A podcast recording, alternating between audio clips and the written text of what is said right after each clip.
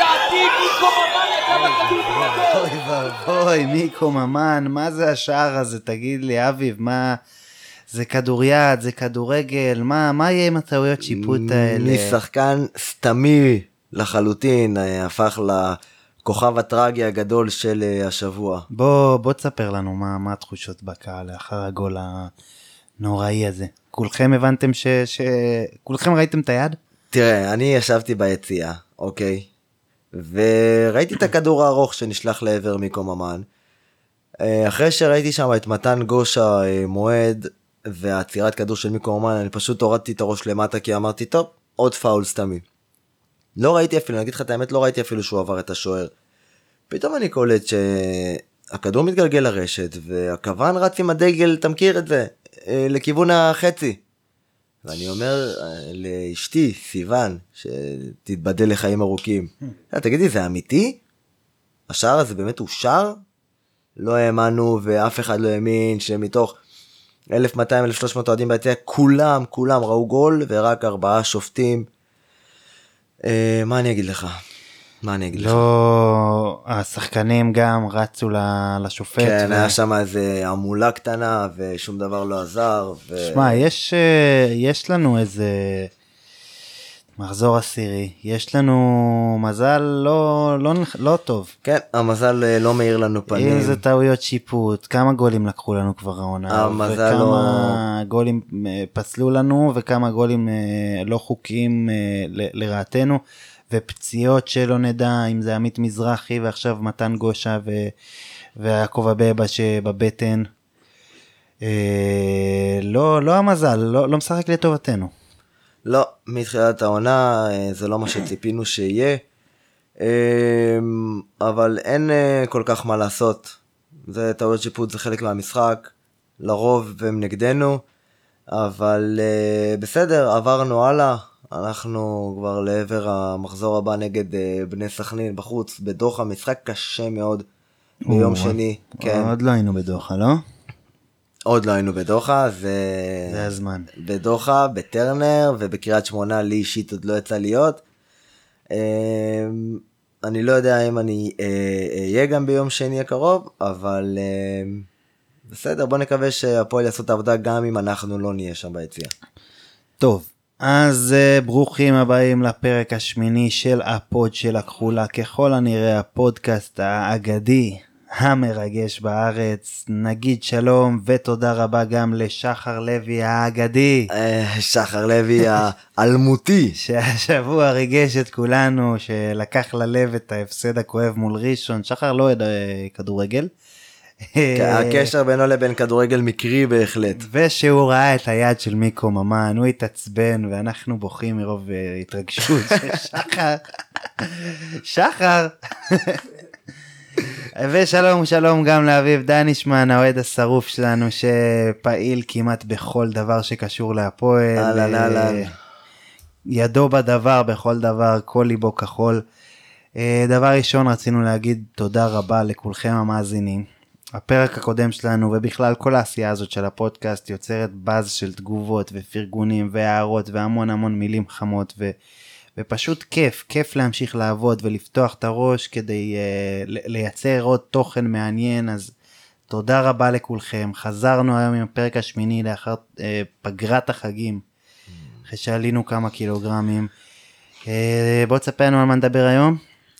אה, כן, אז כמו שראיתם אה, לבטח, הפורום שלנו שוב כמרקחה, אוהדים כועסים, אוהדים עוד יותר כועסים, ומצד שני יש גם אוהדים שמרג... שמרגיעים. כמו כן, גבע מרקוס, חבר הדירקטוריון של העמותה, מתפטר מתפקידו בשבוע שעבר, התפטרות שהובילה לעזיבתו של יושב ראש הדירקטוריון דרור שי, שגר... וגררה השתלחות בין השניים. כמוהו גם עוז איליה שהיה אחראי על הקשר עם שחקני העבר, עוזב גם הוא את העמותה, ואנחנו שואלים, אז מי נשאר? מה, מה לעזאזל נסגר, ומה יהיה עם הפועל שלנו?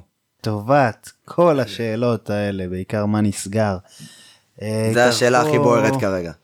התארחו אצלנו היום שני חברי הוועד המנהל של העמותה, חבר'ה מאוד מאוד מאוד אה, פעילים ושותפים, אביעד לוי ואלעד סלע. ינסו דבר ראשון להרגיע את הרוחות, לעשות סדר בבלגן, אה, לענות ל- לרובנו. מה שעשינו בעצם, אני ואביב אה, דגנו מתוך הפורום אה, שאלות ככה ש... בוערות. ומשהו, ו- ואתכם האוהדים, ממש דובבנו אתכם ואנחנו הולכים לשאול את להקות בס- בסלע ולדרוש תשובות מהוועד המנהל. אה, אנחנו נשאל אותם, אנחנו נדבר איתם אה, בעיקר על אה, העניין של העמותה, על הפיטורים של דרור שי וגבע מרקוס. האם זה הסוף? נשאל אותם גם נד... על ההסתבכויות המיותרות של הפועל עם בית הדין המשמעתי. מתחילת העונה כבר שלוש פעמים הפועל מבקרת בבית הדין. מה קורה מתחילת העונה, מה ההחלטות שהתקבלו, אבל קודם רגע, אביב, בוא, בוא תן לנו גם סקירה מקצועית, וגם כאוהד, ממש אה, מתוך הלב אה, מהמשחק אה, בשישי מול ראשון. טוב, אז אני חייב להודות, אמנם אה, לא כולם יסכימו איתי, אבל אה, לא שיחקנו רע. לא שיחקנו רע. אה, אפילו ברוב שלבי המשחק היינו יותר טובים אה, מראשון, שמועמדת אה, כמעט ודאית לעליית ליגה. אנחנו מכירים את הקאדר המרשים של אה, ראשון לציון, עם אה, גיל יצחק וובה בראון וקלאודימיר פררה, שאומנם לא לקח חלק, והיום אנחנו גם מכירים את אה, מיקו ממן, מסתבר. אה, אם נדבר טיפה יותר מקצועית, אז אה, השינוי הכי גדול שהיה לנו בהרכב, שגם עלה בעוכרנו, זה הפציעה של יעקב אבבה, שלא נטל חלק במשחק, כן. בדיוק, וספיר איתך תפס את מקומו במרכז ההגנה לצד מתן גושה. רם לוי פתח את המשחק בקישור האחורי, וזה באמת נראה טוב. אה, הפועל גם אה, אחרי הרבה זמן אה, סוף סוף חזרו לעשות לחץ גבוה על שחקני ראשון. אה, סוקונה ועוז פרץ לא מפסיקים לרוץ. מי שכרגיל אכזב אותי לצערי בשבועות האחרונים זה שוב פעם עומר בוארון.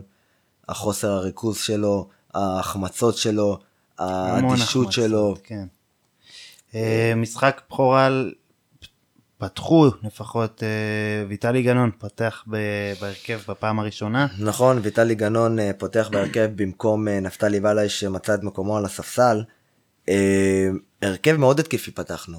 פתחנו גם עם בר ירוחם, גם עם ויטלי גנון, גם עם סוקונה, גם עם בוארון, גם עם עוז פרץ. חמישה שחקנים שהאוריינטציה שלהם היא מאוד התקפית, ובעצם פתחנו רק עם קשר אחורי אחד רם לוי, ופה אמיר נוסבאום אה, אמר אני רוצה, אני עולה כדי לנצח את המשחק. ובאמת זה מה שראינו בדקות הראשונות.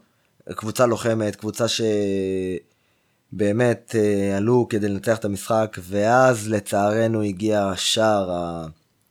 לא יודע אם להגיד שער או סל, באמת, ברמה, ברמה הזאתי, שהוציא קצת את הרוח מהמפרשים, ולאחר מכן מתן גושה אה, נפצע, ורם לוי עבר להיות בלם, ובמקום רם אה, נכנס אה, נפתלי בלעי בקישור האחורי. הכל הידרדר, אבל שוב פעם הפועל פתח תקווה שלנו אה, יוצאת עם אפס נקודות מהבית, במושבה, מפסידים משחק בית.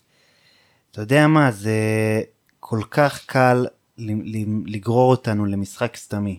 אתה רואה, אני באמת אומר לך שאני תראה, במשחקים, ממה שאני הצלחתי לזהות בעשרה מחזורים הראשונים, זה שקשה מאוד לפתח, קשה לנו לפתח אה, אה, משחק, משחק מסודר. לפתח התקפות דרך משחק מסודר.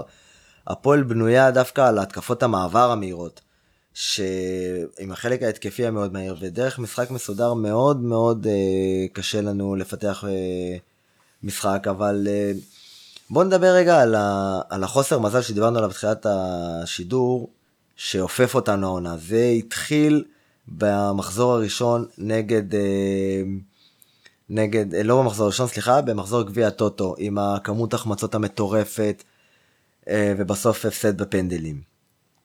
אוקיי? מול הפועל רמת מול גן. הפועל רמת גן. אחרי זה זה המשיך עם השערים החוקיים של עוז פרץ, לדעתי זה שלוש גולים חוקיים שנפסלו לעוז פרץ. וזה נמשך עם אה, פציעות שחקנים אה, משמעותיים כמו סוקונה, כמו בוארון, כמו עמית מזרחי, ש... שפשוט אה, נפצעו ואין לנו תחליפים מספיק ראויים. אחרי זה זה המשיך עם גולים באמת כמו נגד נוף הגליל שראינו במחזור הקודם, שהכדור פשוט פוגע בחומה ונכנס. זה המשיך עם, עם המשחק נגד ראשון, שגול עם היד, באמת, מאושר, שזה דברים שכאילו באמת, קבוצה צריכה קצת מזל, וגם את זה אין לנו, לפחות עד עתה העונה. בגלל זה אני מרשה לעצמי להיות אופטימי, כי באמת אנחנו רואים את הקבוצה, ברוב המשחקים, כשאני ראיתי, הקבוצה משחקת לא רע. אני, אני לא כזה אופטימי. אני לא באמת אופטימי. אני אגיד לך שהרבה פעמים הפועל לא עלתה על המגרש. הרבה פעמים לא רואים את הקבוצה באה לנצח. הרבה פעמים אתה אומר לי באמצע, ב-20 דקות אני זוכר שבאת אליי ביציע, זה בסדר, הפועל לא, אה, תמיד מחצית ראשונה בוא אני אשאל אותך לא, שאלה כזאת. אה, אה, תמיד מחצית ראשונה הם לא 100% ואז מחצית שנייה הם, למה? למה צריך? בוא אני אשאל אותך שאלה כזאת, אנחנו הרי... fucking הפועל פתח תקווה, בא לי ה- ש, שקבוצות יפחדו, ל, ל, בטח בלאומית, לא אמרתי לך עכשיו מכבי חיפה תבוא לתפחד ממך, אבל בטח אה, נוף הגליל תבוא ותפחד ממך במושבה. בוא אני אשאל אותך דבר כזה, קודם כל עוד לא שיחקנו נגד אה, נוף הגליל במושבה, אבל לא אבל. בוא אני אשאל אותך שאלה כזאת, הרי הרצף ההפסדים. שלנו התחיל דווקא במשחק נגד אום אל-פחם, ואתה זוכר מה קרה במשחק הזה, אגב אם כבר דיברנו על מזל רע, אז גם הפנדל היחיד שקיבלנו העונה, גם אותו החמצנו, של סוקונה. מול אום אל-פחם לא קרה כלום. אם הפנדל של סוקונה היה נכנס, אוקיי? קח את זה עכשיו שהפנדל של סוקונה נכנס. אתה חושב שאנחנו באותו מצב כמו היום? מסכים איתך. שהיו משחקים חלשים, אין שיטת משחק. מסכים איתך שהיו משחקים חלשים גם נגד קטמון ובטח ובטח בדרבי וגם אה, מול אום אל-פחם אבל לדרבי לא עלית, מול אום אל-פחם לא עלית. אבל אם אתה. מסתכל על מכלול נגד לא הייתה אה, קבוצה, אז מה נגד עפולה במחזור? הראשון שיחקת מעולה נגד אה, אשקלון שניצחת שיחקת מעולה נגד הפועל עכו ניצחת 3-1 שיחקת מעולה נגד נוף הגליל שיחקת מעולה גם נגד ראשון אבל כל כך לציון קל שיחקת לקבוצות לא רע. לגרור אותך למשחק מבולגן וסתמי. זה הליגה זאת הליגה ו- ולמה? למה זה קורה? למה זאת עכשיו... הליגה. איך, איך זה צועק? בן אדם שגם פחות מבין בכדורגל, רואה שהכדור לא מצליח לעבור מ- מ- מההגנה ל- לכיוון החלוצים. לא מצליח לעבור, יש איזה בעיה בהנעת הכדור מהאמצע קדימה. זה צועק שחסר לך קשר 50 ו-50, זה צורח. ואז למה להביא את בר ירוחם וויטלי גנון? לא שהם שחקנים לא טובים, אבל הם קשרים התקפיים בכלל. תראה בר ירוחם אמור. להיות בר ירוחם אמור להיות כביכול על התפקיד של הפליימקר של העושה משחק שלנו. אתה צריך 50-50, ובעיקר, כמו שאני אומר את זה כמעט כל פודקאסט, אתה חייב מנהיג.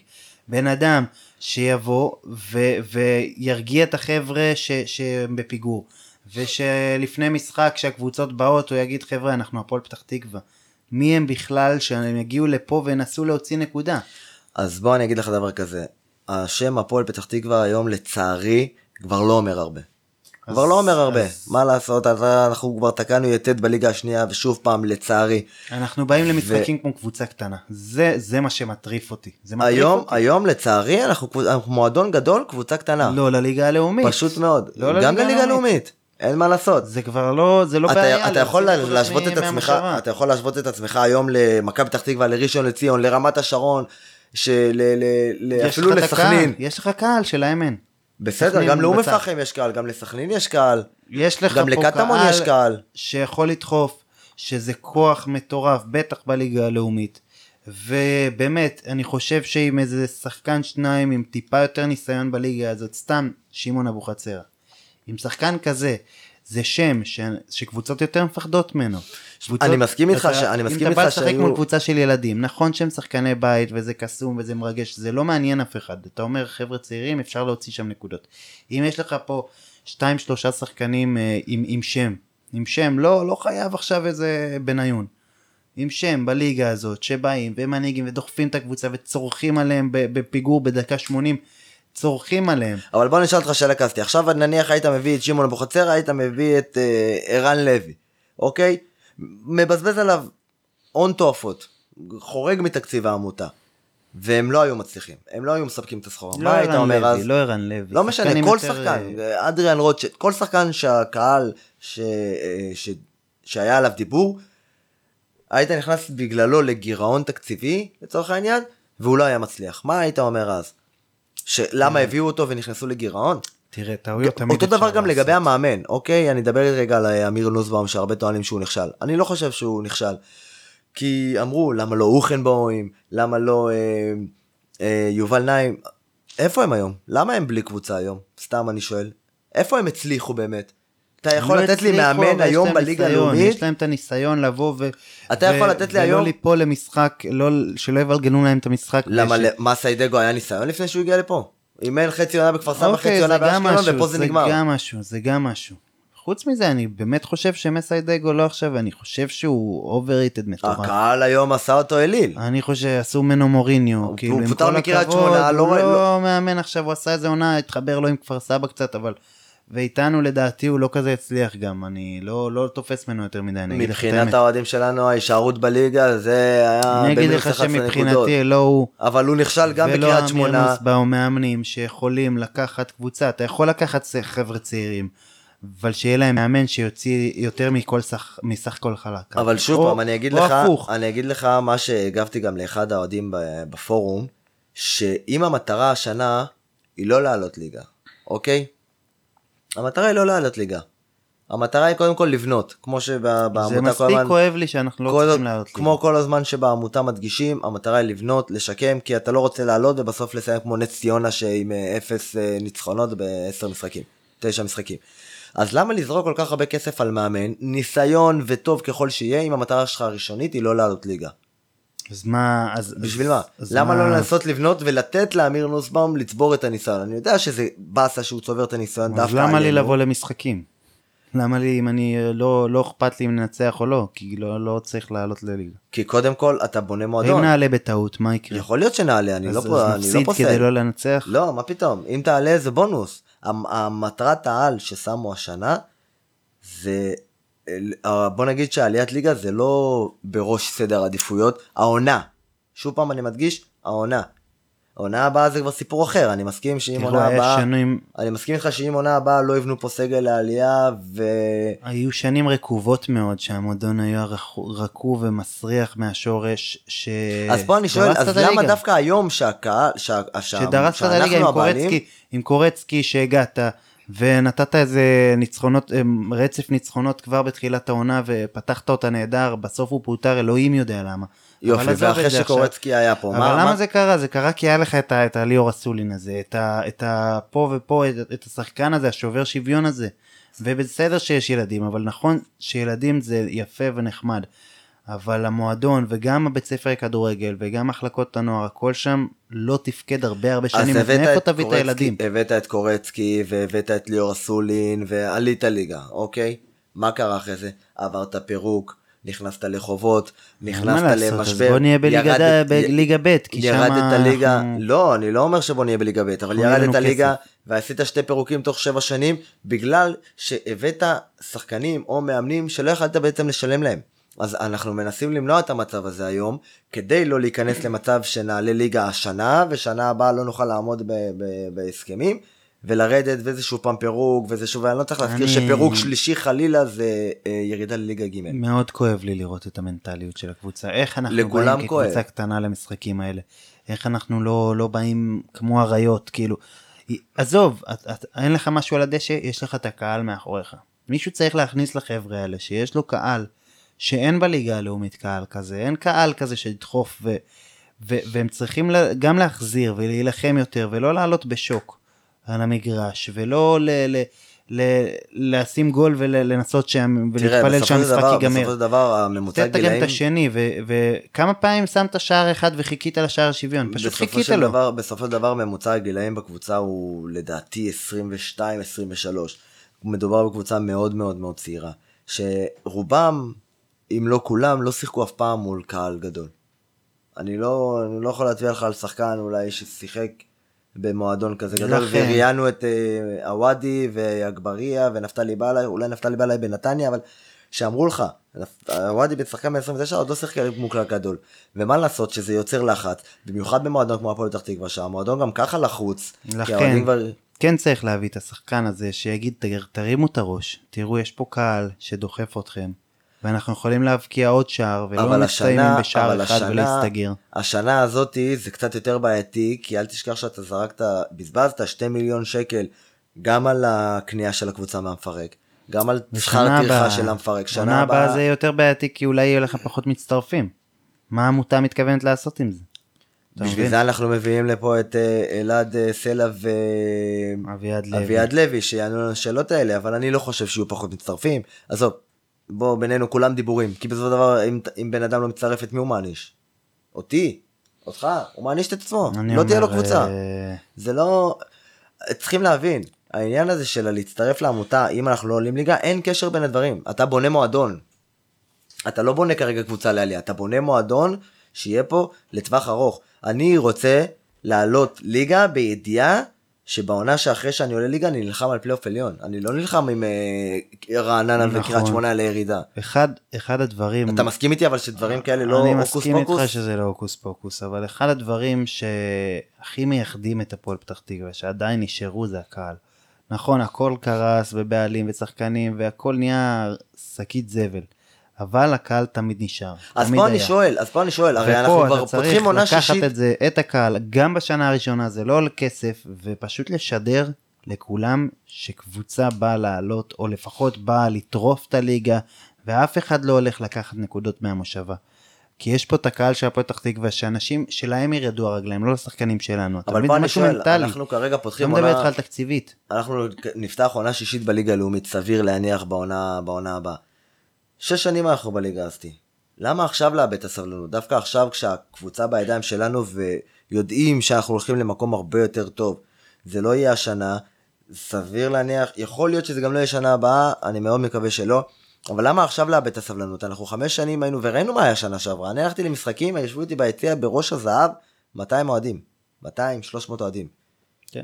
שזה סכומים של משחק חוץ בגביע הטוטו בליגת העל לא היינו מביאים. משחק גביע הטוטו נגד קריית שמונה לא היינו מביאים סכומים כאלה, מספרים כאלה. אז למה עכשיו? אנחנו רואים שהקהל, סליחה, לאט לאט מתחיל לחזור. אנחנו רואים באמת את העניין סביב הקבוצה, אז למה עכשיו לאבד את הסבלנות? בוא נחכה, בוא נסיים את השנה הזאת באמת בטוב טעם. ואני אסכים איתך בדבר אחד אולי, שאם המטרה היא לא יודעת, אנחנו כנראה לא, לא נרד גם ליגה. לעלות ליגה אני עדיין לא יודע, סביר להניח שלא נרד, אז לפחות אנחנו רוצים לראות כדורגל.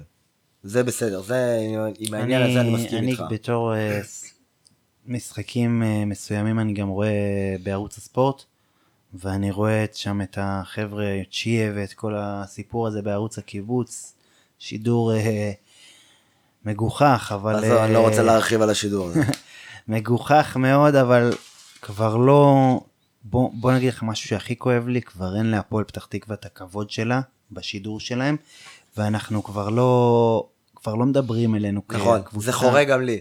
זה חורה גם לי, ואני חייב להגיד אה, שהשנה... זה לא הפתעה, זה לא השנה- הפתעה אם קבוצה קטנה באה ומובילה במושבה. תראה, בוא, בוא, נ- בוא נשים את הקלפים על השולחן כמו שאומרים. בוא נקרא לילד בשמו. בוא... אה, נשים את מוציא את הפיתה מה- מה- מהקפיא. מהגז, בדיוק. אנחנו השנה קבוצה פרווה. אין מה לעשות, אנחנו קבוצה פרווה. לא, לא מאריות הליגה ולא מהזנבות של הליגה. אנחנו קבוצה, פעם ת- תנצח, פעם תפסיד, פעם תעשה תיקו מול איזה נוף הגליל. מבחינתי כל משחק להפסיד, אבל בבית, בבית, לא, מה שאני בא להגיד זה שאתה. קבוצה פרווה, אתה רואה את זה גם על הסטטיסטיקה. אתה-. אתה עם שלוש ניצחונות, שלוש תיקו, ארבע הפסדים. אין יציבות, וזה כיאה לקבוצה שהיא צעירה, לייצר מומנטום ויציבות זה מאוד קשה. אז הפעם אתה תלך, אתה תראה ניצחון, פעם תיקו, פעם הפסד, כמו שאמרתי. אתה לא תרד ליגה, סביר להניח שאתה גם לא תעלה ליגה, סביר להניח שאתה תסיים בחלק האמצעי אני של לא הטבלה. אוהב את זה ששחקנים גם נעלמים פתאום באמצע. יש סוקונה, סקונה, מדברים כאילו רונלדו. יש משחקים שאתה לא יודע אם הוא משחק, באמת, אתה לא יודע נכון. אם הוא משחק.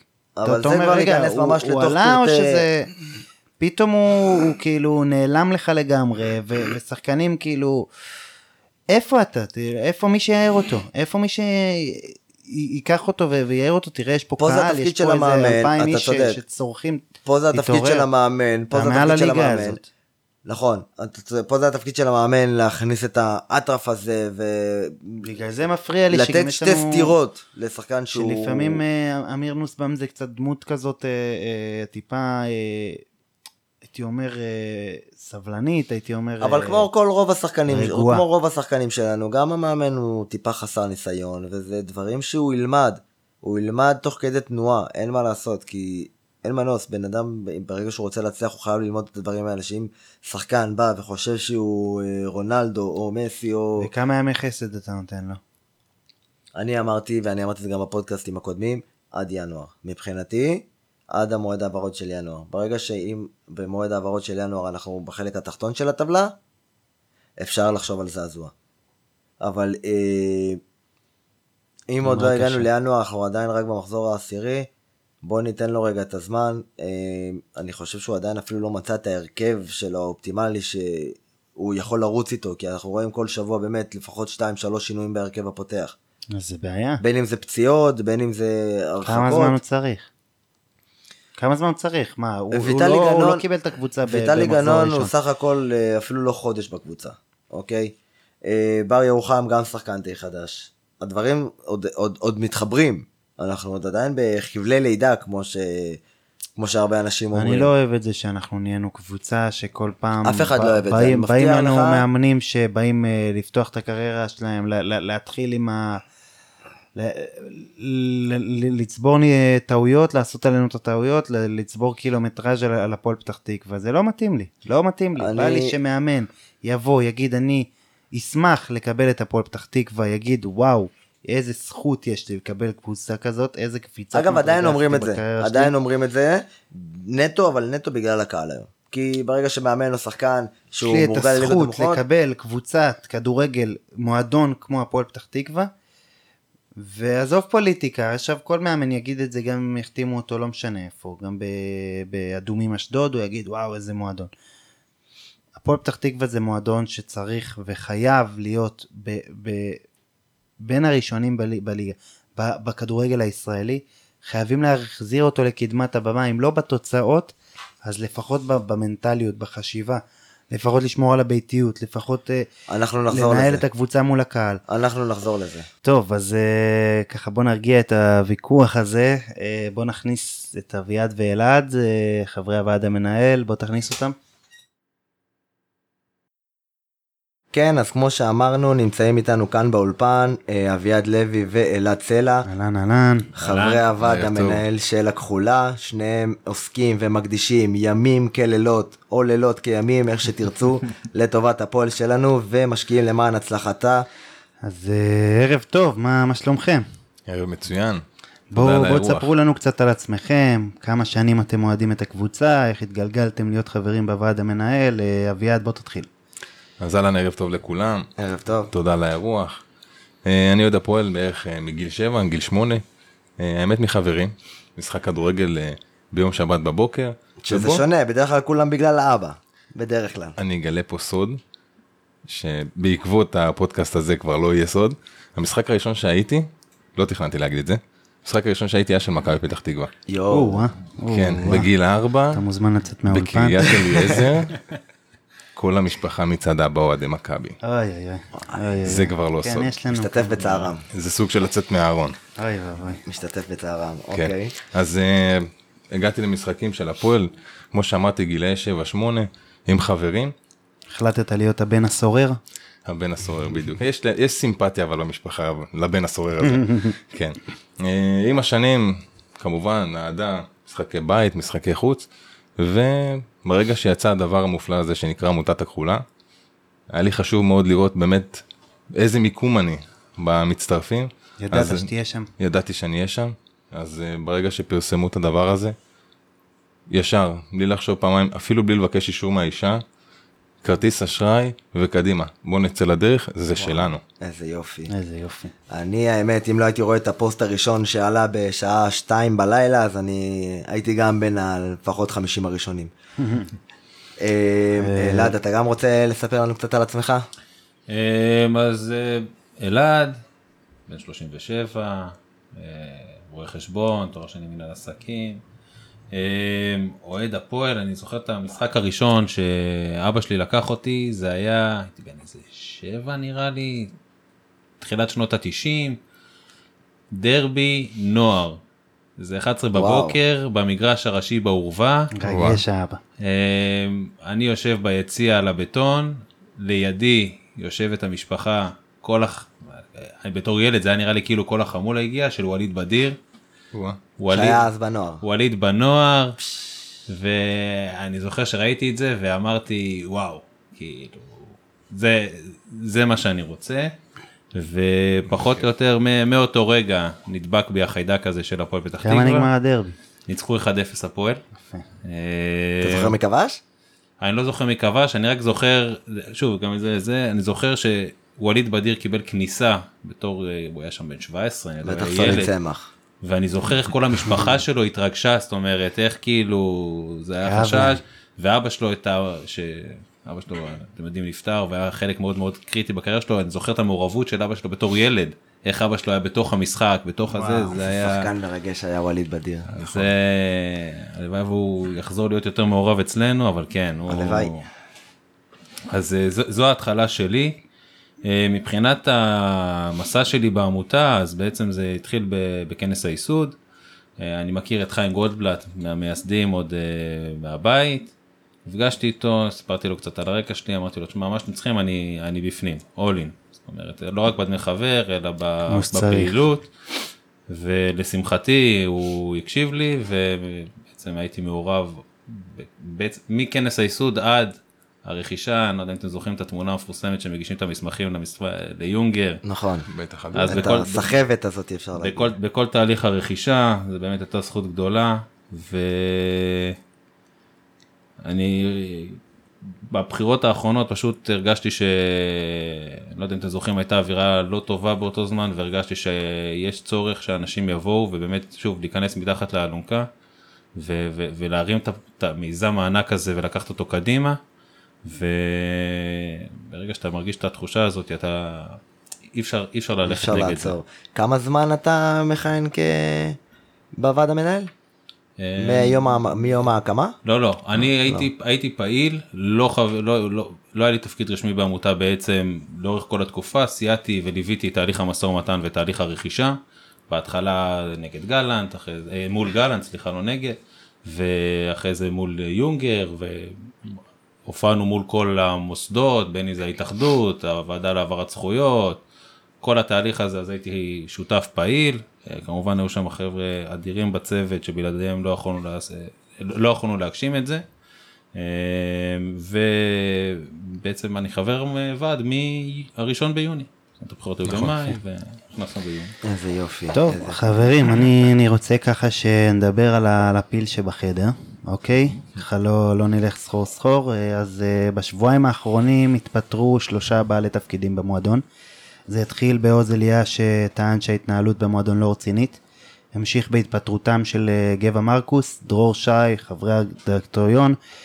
אחרי השתלחות דברים בין השניים, האוהדים מבולבלים, זה נראה לא טוב. חבר'ה, מה, מה קורה?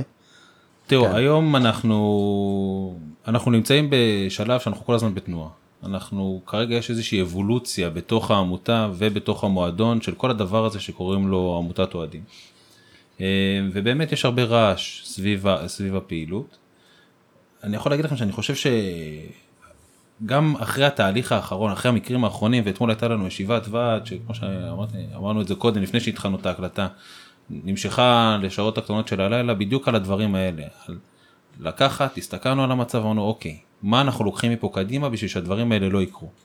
ויכול להיות שאנחנו עשינו טעויות, בין אם זה טעויות בתיאום הציפיות מול אותם בעלי תפקידים, בין אם זה טעויות בהגדרת התפקיד ותיחום הגבולות והסבר של מה המהות של התפקיד.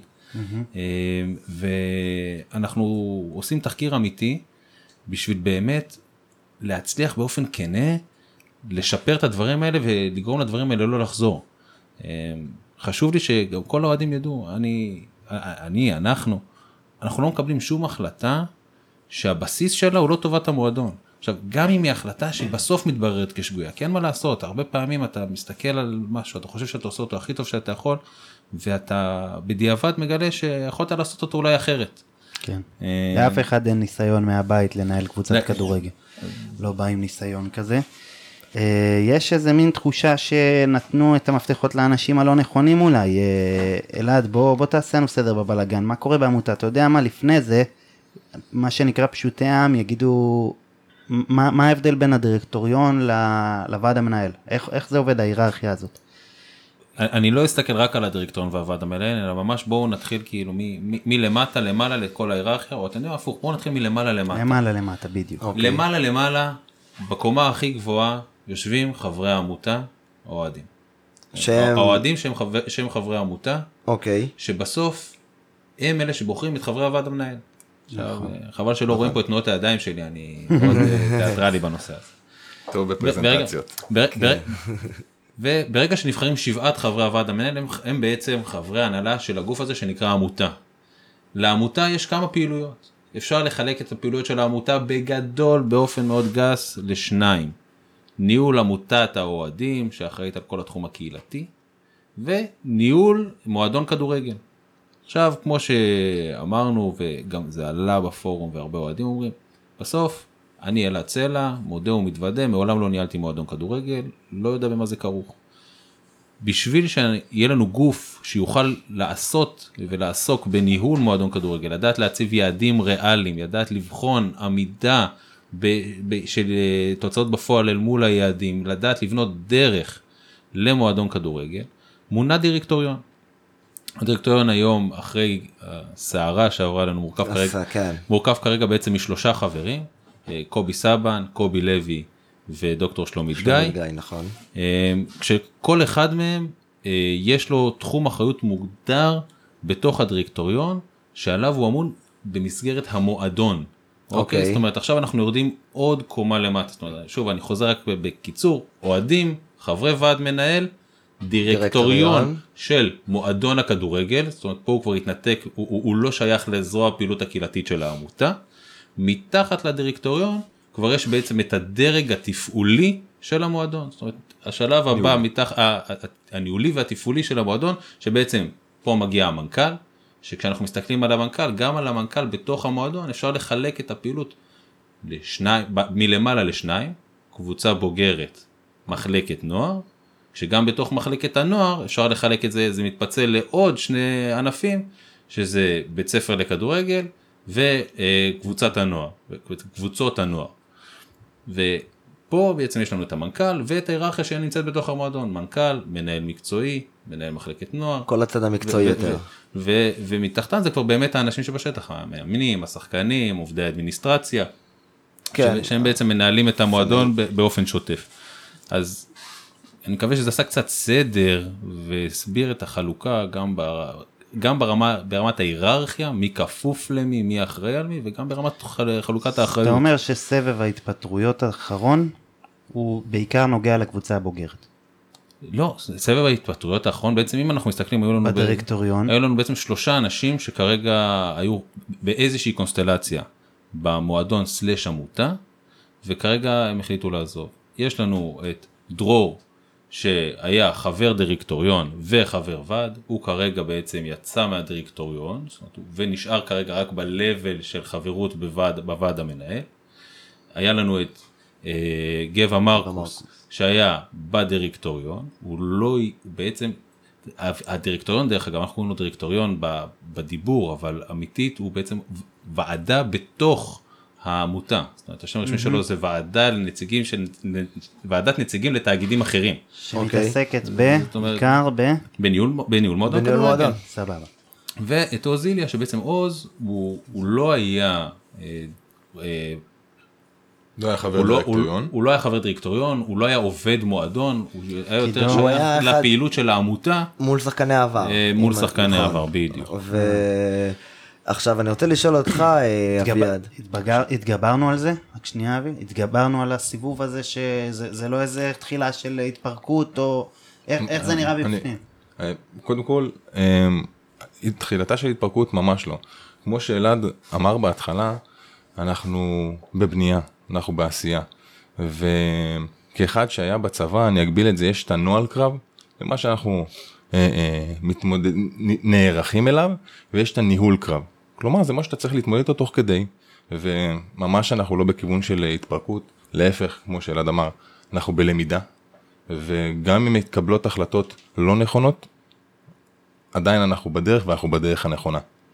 מצוין, זה מה שהיה חשוב לי לשמוע. ואין לנו ספק, אה, אביעד, אני רוצה לשאול אותך, אה, איך מתקבלות ההחלטות במועדון ומהי המעורבות המקצועית של הוועד המנהל, אם בכלל, זאת אומרת, הכוונה כל כמה זמן אתם יושבים, אם יש לכם say בעניין המקצועי אולי, אוקיי, אז אה, חשוב מאוד לציין שההחלטות במועדון מתקבלות על ידי מתקבלות על ידי הגורמים שמיועדים לכך.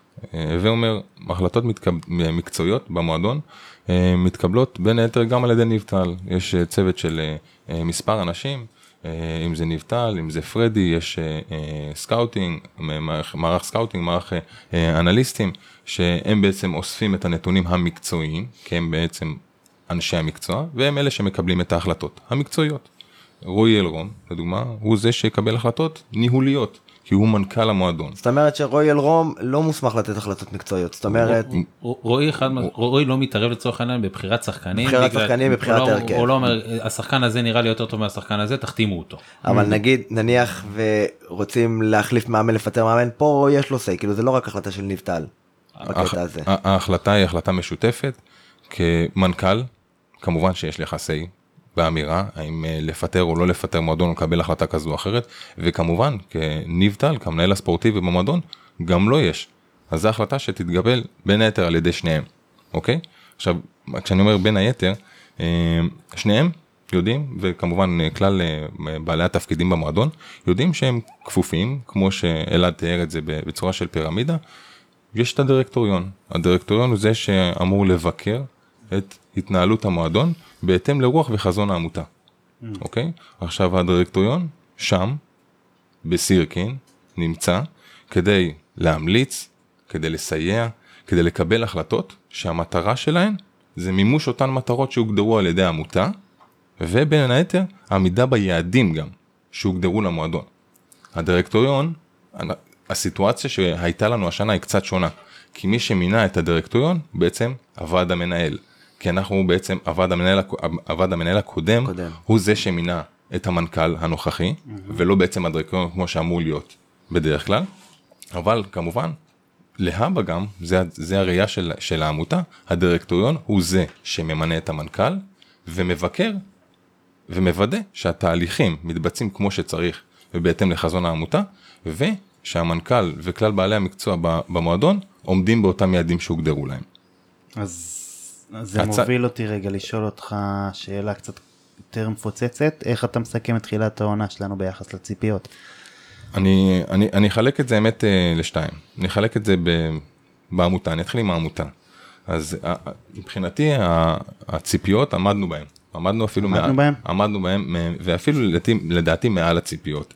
הציפיות, זאת אומרת, היה לבנות קבוצה בלי להיכנס לגירעון, זה היה, ה- זה היה בין היתר, המטרה. בין היתר, אני, זה, זה רחב, זה רחב מעבר לעמידה ב, בתקציב, כי בין היתר התפקידים של העמותה, אה, ועמדנו כמו שאמרתי בהם, זה עבודה בקהילה, זה שיתוף פעילים, אה, שיתוף אוהדים, לאו דווקא פעילי עמותה, יש, יש אוהדי הפועל שמשתתפים ומתנדבים, והם לא בהכרח חברי עמותה, מסיבות כאלה ואחרות, אבל אה, גייסנו ספונסרים.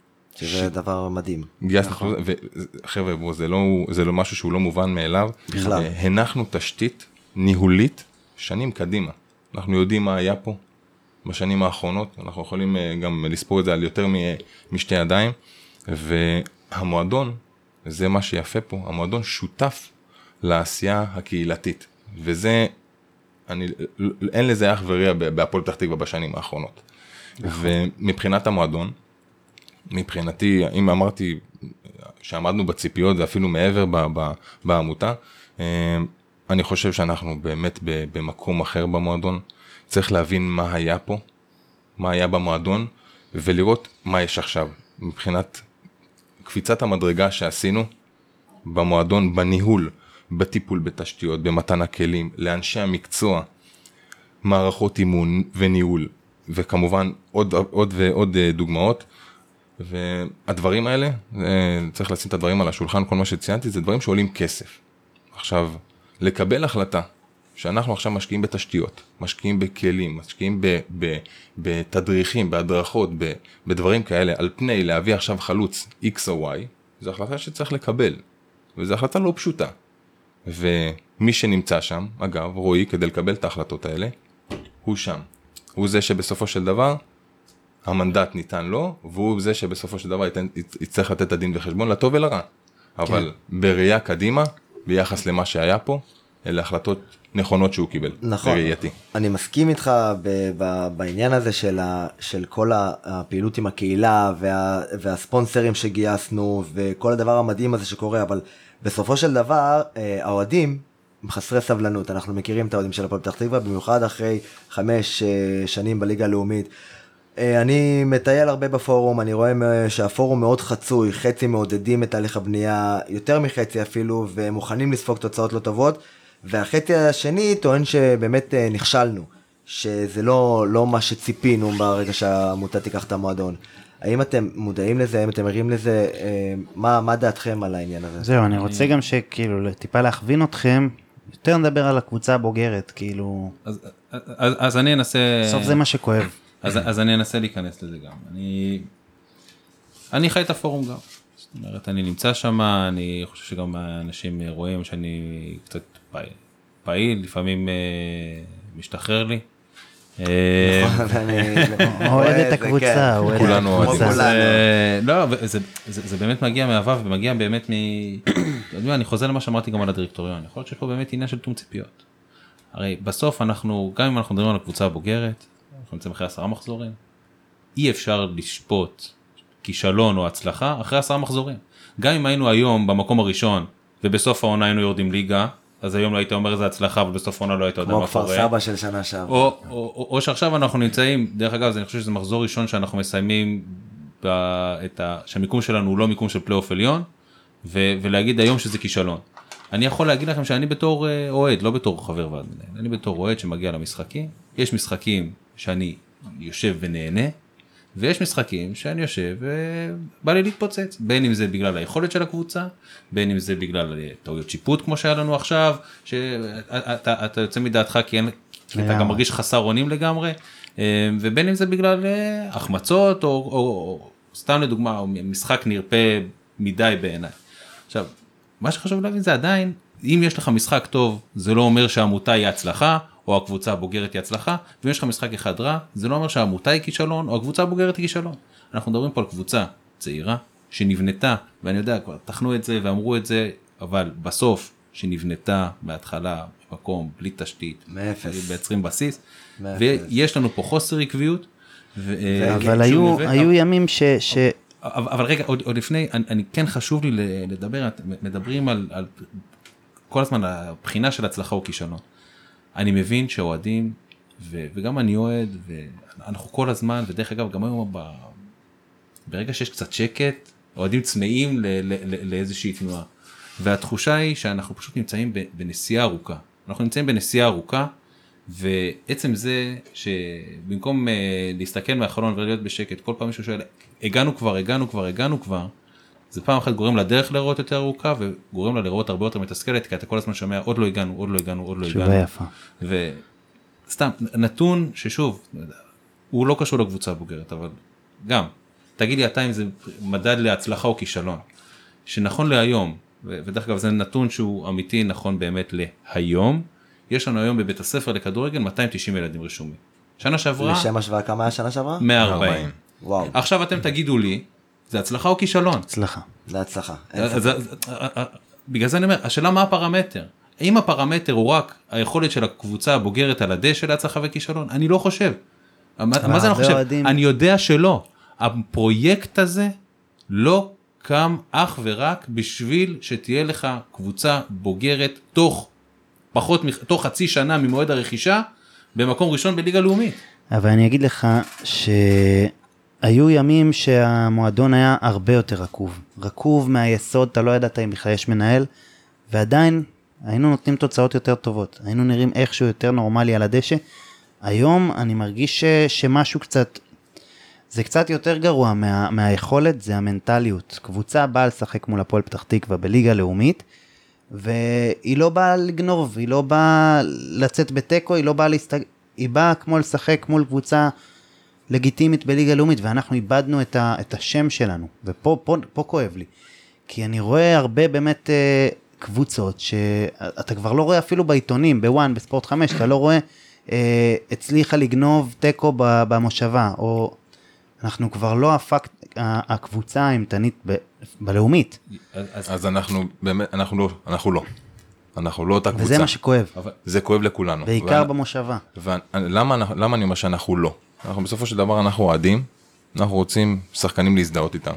שחקן שאתה מזדהה איתו זה שחקן שלמד איתך בכיתה, שחקן שאתה אה, יוצא איתו, ומי אלה השחקנים האלה? שחקני בית, שחקני בית. שחקני נוער. ואותם שחקני בית שאנחנו רוצים לגדל, שאנחנו רוצים שיעלו לבוגרת ויתחברו ויביאו את מועדון הפועל פתח תקווה למה שהיה פעם. פעם היו סיפורים שקבוצות היו מאבדות נקודות כבר בצומת גאה. נכון. קבוצות כבר עם שלוש נקודות בצומת גאה, בהלוך. למה? כי השם של הפועל פתח תקווה הוא לא היה, המועדון הוא לא מה אנחנו שהיה. מפחדים לאבד את השם הזה.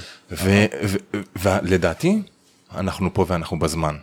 אנחנו פה ובזמן כי אנחנו יודעים מה קרה פה בשבע שנים האחרונות ומה המועדון הזה עבר ומה מה היה לנו פה? היה לנו בעיקר שכירי חרב, שכירי חרב. אני אגיד לך, שחקנים שבאים לא והולכים. ידעתי אפילו שיש משחק ביום שישי, ברמה הזאתי. האמת ש- ברמה הזאתי. אז, אז אני, אני יכול להגיד שאותם שכירי חרב שדיברתי עליהם, אז באים, עושים שנה, עושים שנתיים, הולכים, מושאלים, כן משחקים, לא משחקים נגד הקבוצה שממנה הם באו, מי הייתה לנו הזדהות איתם? לא. וכשאני אומר העמותה ואותה דרך שאלעד דיבר איתה, אה, דיבר עליה מ- מקודם, זה בעצם אותם ילדים שאנחנו רוצים להביא קדימה, וכדי ליצור את החיבור, כדי להביא את המועדון ואת השם הפועל פתח תקווה, אז אותם שחקנים שמגיעים לפה ובדרך ירעדו להם הרגליים, כי החיבור שיש לאותו שחקן בית לסמל על החולצה, הוא לא כמו אותו שחקן יריבה. ופה, אבל, אבל כמו ש, שאמרנו, טוב, אתה יודע מה, נגיע אחרי זה לנוער, אבל- אני רוצה אחרי זה כבר לגעת בנוער. אבל, אבל רק בשביל, אה, לפני שסוגרים את הנקודה הזאת, יש משהו שלי חשוב להגיד. אוקיי. אתה אומר איבדנו, אוקיי? איבדנו את אפקט ההרתעה, איבדנו את, המה, את הלחץ הזה שאנחנו מכניסים אנשים. מה, מה זה איבדנו? מי איבד? מי איבד? המועדון, הסמל. מי איבד את זה? מי. שאיבד את זה, לא, מי שאיבד את זה, או מי שגרם לדבר הזה ללכת לאיבוד, זה מי שהתעלל במועדון הזה ב-15 שנה האחרונות. נכון. הוא גרם לדבר הזה ללכת לאיבוד.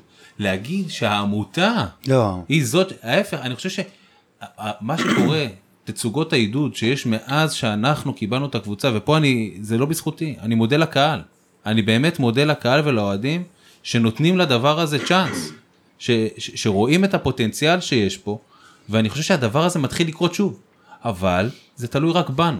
זאת אומרת, אנחנו, אם אנחנו נדע בכל משחק, דרך אגב, גם כשהולך לא טוב, בכל משחק, לבוא ו- ו- ושהיריבות ידעו, גם בדקות הרעות, האוהדים של הפועל פתח תקווה דוחפים את השחקנים שלהם. הם נמצאים שם. זה מה שיכול להחזיר לך את האפקט של ההרתעה.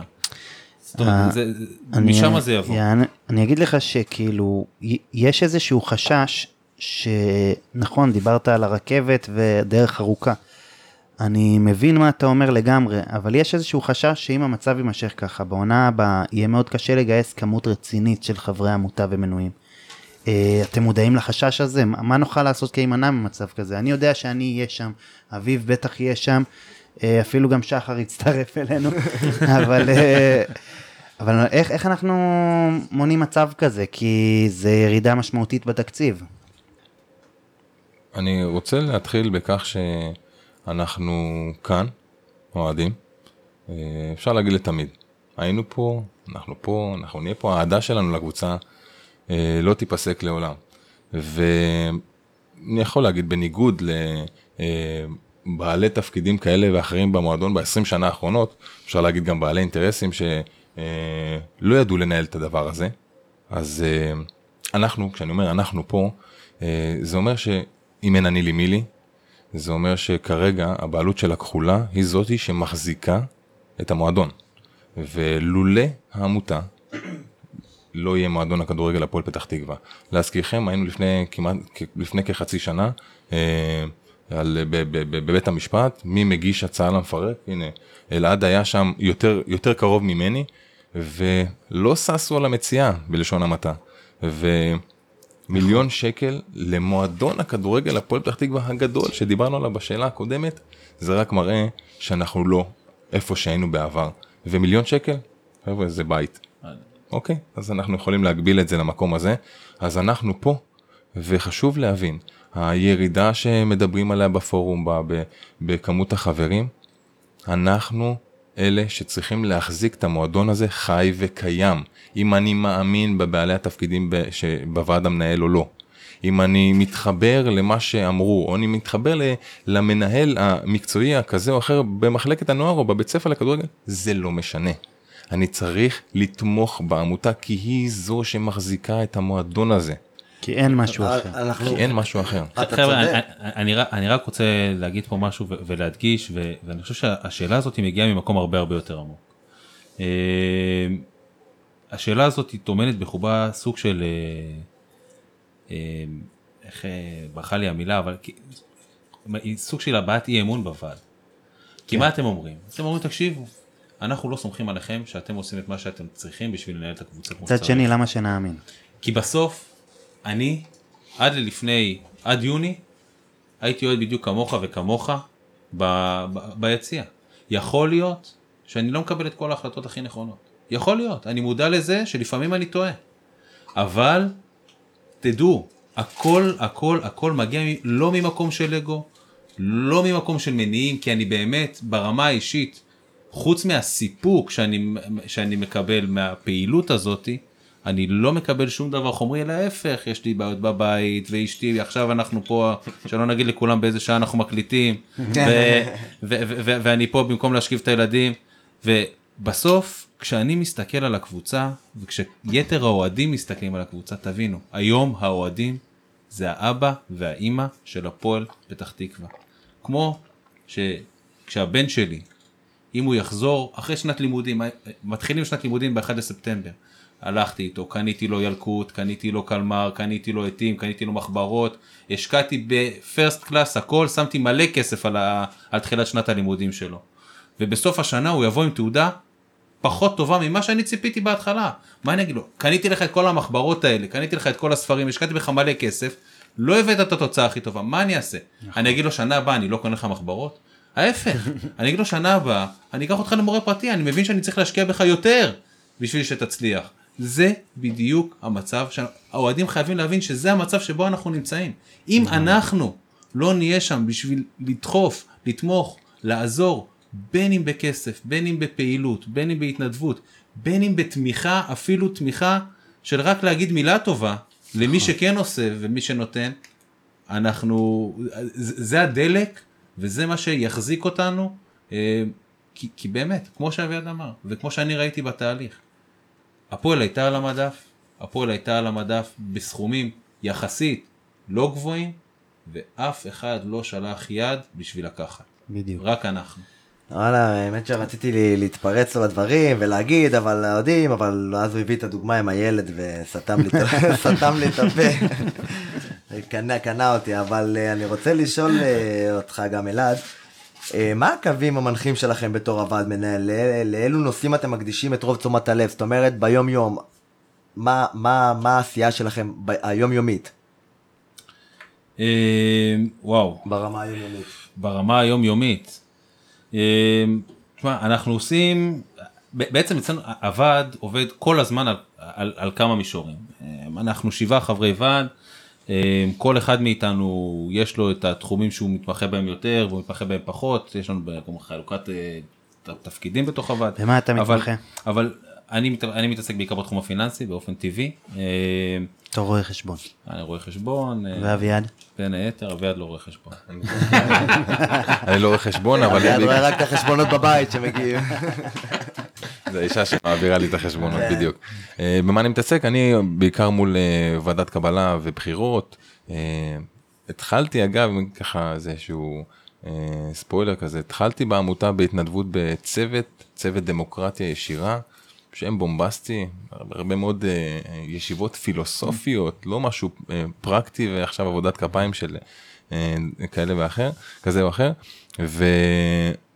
והשיח בא- באותו צוות היה איך מקבלים החלטות ואיך הרוב אה, מביא את עצמו לידי ביטוי וההפך ואיך המיעוט כשהוא מיעוט מה היכולות שלו ומפה זה הצמיחה והחיבור שלי לאותה ועדת קבלה שבין היתר אה, אה, מדברים שם גם על, על התקנון והבחירות ש, ש, שיש מדי שנה בין היתר. אז בוא נחזור, מה הקווים המנחים? אז, אז, אז אם אני חוזר שוב, זה בסוף קווים מנחים זה, יש את, הקווים המנחים זה חזון העמותה, זאת אומרת, סתם לדוגמה, בעולם שלי זה לא להיכנס לגירעון, אוקיי? זאת אומרת, היום אנחנו, בסוף המועדון הוא משהו דינמי, המועדון הוא דינמי, העמותה היא דינמית, הצרכים משתנים, אה, ובעולם שלי אני כל היום, ואני חייב להגיד פה תודה גם לאדם יקר, נחבא אל הכלים, לא יאהב את זה שאני מזכיר אותו פה, אבל שחר לוי. איתן, איתן. רחמני, אוקיי. חבר'ה מגיע לבן אדם הזה שאפו, אתם לא יודעים כמה הבן אדם הזה שווה להפועל, באמת, כל הכבוד לאיתן. אה, איתן הוא בעצם רואה חשבון נוסף, הוא גם ליווה איתי ביחד את כל תהליך הרכישה והיום הוא בעצם אה, מנהל את ה... מנהל הכספים של המועדון וואו, אה, בפועל, בהתנדבות, נסיר בפניו את הכובע. כל הכבוד, אבל אם אני חוזר עוד פעם למה שאנחנו עושים בוועד, אז הוועד עובד על בעצם כל יש את מה שאנחנו צריכים אד הוק סתם לדוגמה הנושא הזה של עכשיו גיוס דירקטורים אה, אז זה משהו שעכשיו הוועד באופן מאוד באופן טבעי מאוד מאוד אה, עסוק בו איתור דירקטור איתור דירקטורים למידה של מה של טעויות העבר ואי חזרה בתהליך הנוכחי. אז אה, זה דבר, תחקר אירועים, ת- כן. בדיוק, לא, תחקור אירועים זה מה שאנחנו כל הזמן עושים בכל שלב. אה, במקרה הזה היום אנחנו מתחקרים את נושא הדירקטורים, לומדים וכבר נמצאים בתהליכי היישום כבר, אה, כי אין, אין זמן לחכות אז אנחנו כבר מתחילים את תהליך הגיוס. אנחנו כל הזמן עסוקים בתהליכים של גיוס ספונסרים. זאת אומרת אה, בתחילת העונה זה עבדנו על זה ביתר סט ולשמחתי גם ראו את התוצאות אבל שלא תחשבו שאנחנו הפסקנו זאת אומרת אנחנו ממשיכים בתהליך הזה אה, לא נחים רגל על רגל. יש דברים שאפשר נתפסים אולי כיותר אה, אפורים פחות סקסים אולי אבל אה, אני חושב שהם הבסיס לפעילות שלנו כמו לדוגמה אנחנו מדברים על כל מיני שינויים שאנחנו, מתלב... אה, שאנחנו שוקלים להכניס לתקנון העמותה אה, שינויים שאמורים בסופו של דבר לחזק ולשפר את מערכת האיזונים והבלמים שיש בעמותה שיאפשרו ניהול יותר פעם אחת ניהול יותר נכון פעם שנייה פיקוח יותר נכון גם על התהליכים בתוך העמותה כי כמו שאמרתי העמותה זה אורגניזם חי זה אורגניזם שכל הזמן זז כל הזמן לומד כל הזמן מתפתח האבולוציה שלו לא מערכת נפסקת. שמשמנת את עצמה. אז לאט לאט. הרבה הרבה הרבה לחץ מבחוץ. ודרך אגב, גם זאתי אומנות, זאת אומרת, גם היכולת מתוך כל הרעש שיש, וכמו שאתה אמרת, יש הרבה הרבה רעש ולחצים שנמצאים מבחוץ, לדעת לפלטר את התוכן, להוציא את המוץ מהתבן, לשמור על אומרת, אה, לשמור על שפיות, אה, כן, אה, שוב, יש כאלה שקל להם יותר, שזה פחות, אולי, אני לא יודע אם זה נכון, אבל שזה מה שדרור שי לא הצליח לעשות, כי הוא טען גם בהתפטרות שלו שחלק מהדברים האלה זה, איך, איך הוא אמר, אוהדים שרואים משם לא רואים מפה, כאילו, מכל הלחץ הזה, ועם אשתו ועם הילדים, אז אני, זה איכשהו קשור. אני לא רוצה להיכנס, ל... להכניס דברים לפה של דרור, אני יכול להגיד מה דעתי האישית בנושא. אחד, אני חושב שכולנו, כל אוהדי הפועל פתח תקווה, בין אם חברי עמותה ובין אם לא, חייבים לדרור המון המון המון תודה. זה אין ספק. אה, גם בגין התקופה שלו כיושב ראש הוועד הקודם, שהביא אותנו לנקודה הזאת שאנחנו בעלים, וגם לתרומה שלו היום לדירקטוריון, ואני לא אומר את זה כי אני צריך אותו, או כי אני מפחד ממנו. איבדנו פה נכס. אה, אני, לא איבדנו. לשמחתי לא איבדנו, בדיוק. זאת אומרת, אה, בדיוק אתמול ישבנו ודיברנו על זה בישיבת ועד, אה, ו- ודרור עדיין איתנו, זאת אומרת, הוא פול פורס בוועד, אני חושב שהעמותה תרוויח מהזמן הפנוי, ש... מהזמן שהתפנה לו, שזה הזמן שהוקדש לעבודה שלו ביום. בדירקטוריון, איזה שעה, שעה בערך ביום. עוד שעה. כן. אה, עוד יומיים בשבוע. אה, ואני חושב שדווקא דרור, ההחלטה שלו אה, לעזוב את הדירקטוריון התקבלה בדם קר ולא בדם חם. זאת אומרת ההפך. היא, זאת אומרת שהוא התבשל עם זה די הרבה זמן. הוא שקל את זה, הוא הסתכל על הפרוז והקונס, נכון, לא נכון, כדאי, לא כדאי. לא רגע ודרך של- אגב, גם את זה, ושוב, אני, אנשים יחשבו שאני, אה, כאילו שזה לא, שזה לא יישמע כאילו אני אה, מלקק לו, מפחד ממנו, זה לא מגיע משם. אני, ההחלטה שהוא קיבל בעזיבת הדירקטוריון, היא כי הוא חשב, והוא עדיין חושב, שזו ההחלטה שבזמן הזה הכי טובה למועדון, עדיין. כי כי הוא אומר, הנוכחות שלי מייצרת כל כך הרבה רעש רע סביב הדבר הזה. אז הוא פשוט החליט... והוא אה, אמר, אז בוא, אני אקח, אני אקח את הצעד אחורה הזה. אני אקח את הצעד אחורה הזה, אני אמשיך להיות יושב ראש, יושב ראש לא איזה הוועד אקט המנהל. שהוא נעלב, או... ממ... זה ממש לא מגיע משם. זה לא הוא. אנחנו... זה נכון שכשאתה נמצא, בסופו של דבר, מי שלא, מי שמפחד להישרף שלא ייכנס למטבח. אתה, אנחנו עוסקים בכדורגל, וכמו שאני ידעתי שכשאני נכנס לעמותה זה הולך לגזול ממני כמעט את כל הזמן הפנוי שלי, אה, וחלק גדול מהלילות שלי באמת, אני, אני ביום עובד ואני עובד הרבה שעות, ואני מגיע הביתה בערב, ובערב אני, אני, אני נהנה מהתחביב שלי, זאת אומרת אני משקיע ב- בעמותה, וידעתי שזה מה שייקח לי. זאת אומרת, כשקיבלתי את ההחלטה, קיבלתי אותה, כמו שאמרתי, בדם קר, באופן מודע. ופה אני חושב שדרור קיבל את ההחלטה הזאת בדם קר ובאופן מודע, בגלל שהוא אמר, אני מעדיף לקחת צעד אחורה בשביל להוריד כרגע את הלהבות, את הלהבות, ל- כן. לסיים את הסאגה הזאת ולתת למועדון כמועדון, כמערכת להתייצב, ומפה נמשיך קדימה. דרך אגב, ו- ולא, אה, דיברתי על זה בפורום, כתבתי את זה, גם כתבתי את זה בקבוצת אוהדים, אני כאלעד חושב שקריטי שחבר ועד יהיה גם בדירקטוריון. אני חושב שזה שילוב שהוא הוא must.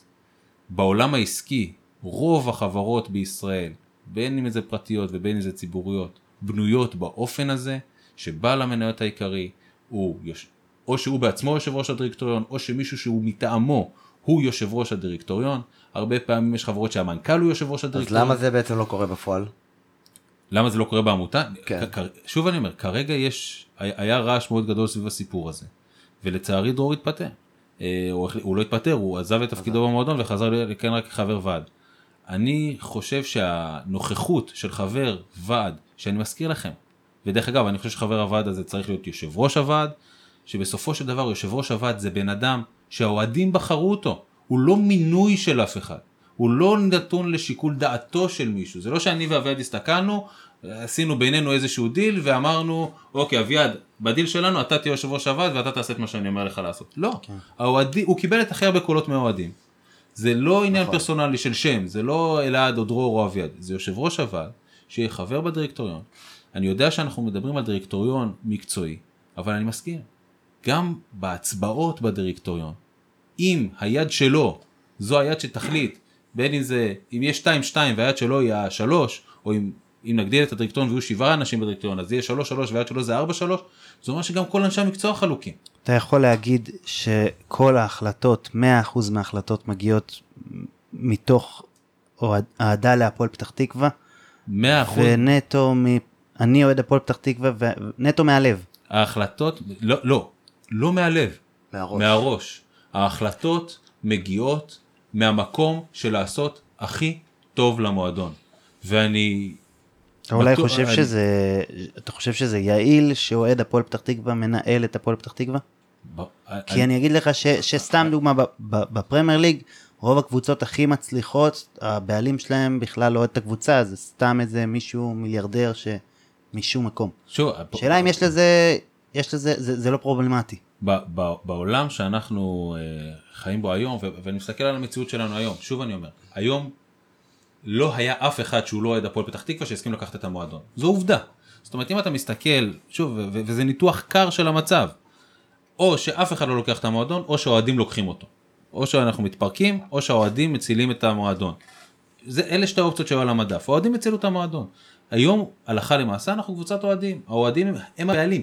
תרצה, לא תרצה, טוב, נכון. לא טוב, לא הייתה אופציה אחרת. זה לא שעכשיו בא, עמד לנו פה איזשהו שייח' סעודי עם אה, 50 מיליון פאונד בדלת, ואמרנו לו לא, אל תיכנס, אנחנו לוקחים את המועדון עלינו, משאירים אותך בחוץ. אבל אולי כדאי לשבת לפחות אולי פעם בחודש, חודשיים עם מישהו שיודע לנהל קבוצת כדורגל. דוגמה, אלי טביב. דרך אגב, כמה זה ריאלי אני לא יודע. דרך אגב, אני לא חושב שאלי טביב הוא בן אדם שיודע לנהל קבוצת כדורגל. אני חושב שהוא גאון כדורגל. אלי טביב הוא גאון בלעשות כסף מכדורגל. הוא איש אלי- עסקים.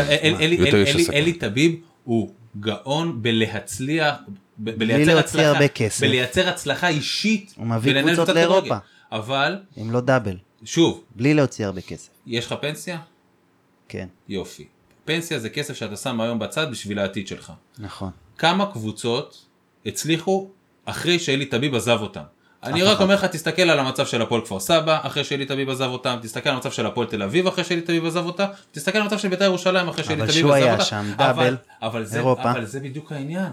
זה בדיוק העניין. אז תפסיק לחסוך- אז. תפסיק לחסוך לפנסיה, תפסיק לחסוך לפנסיה, תחיה כמו מלך, תעשה- ת- תעלה כל שני וחמישי סטורי לא באינסטגרם שהוא. כסף.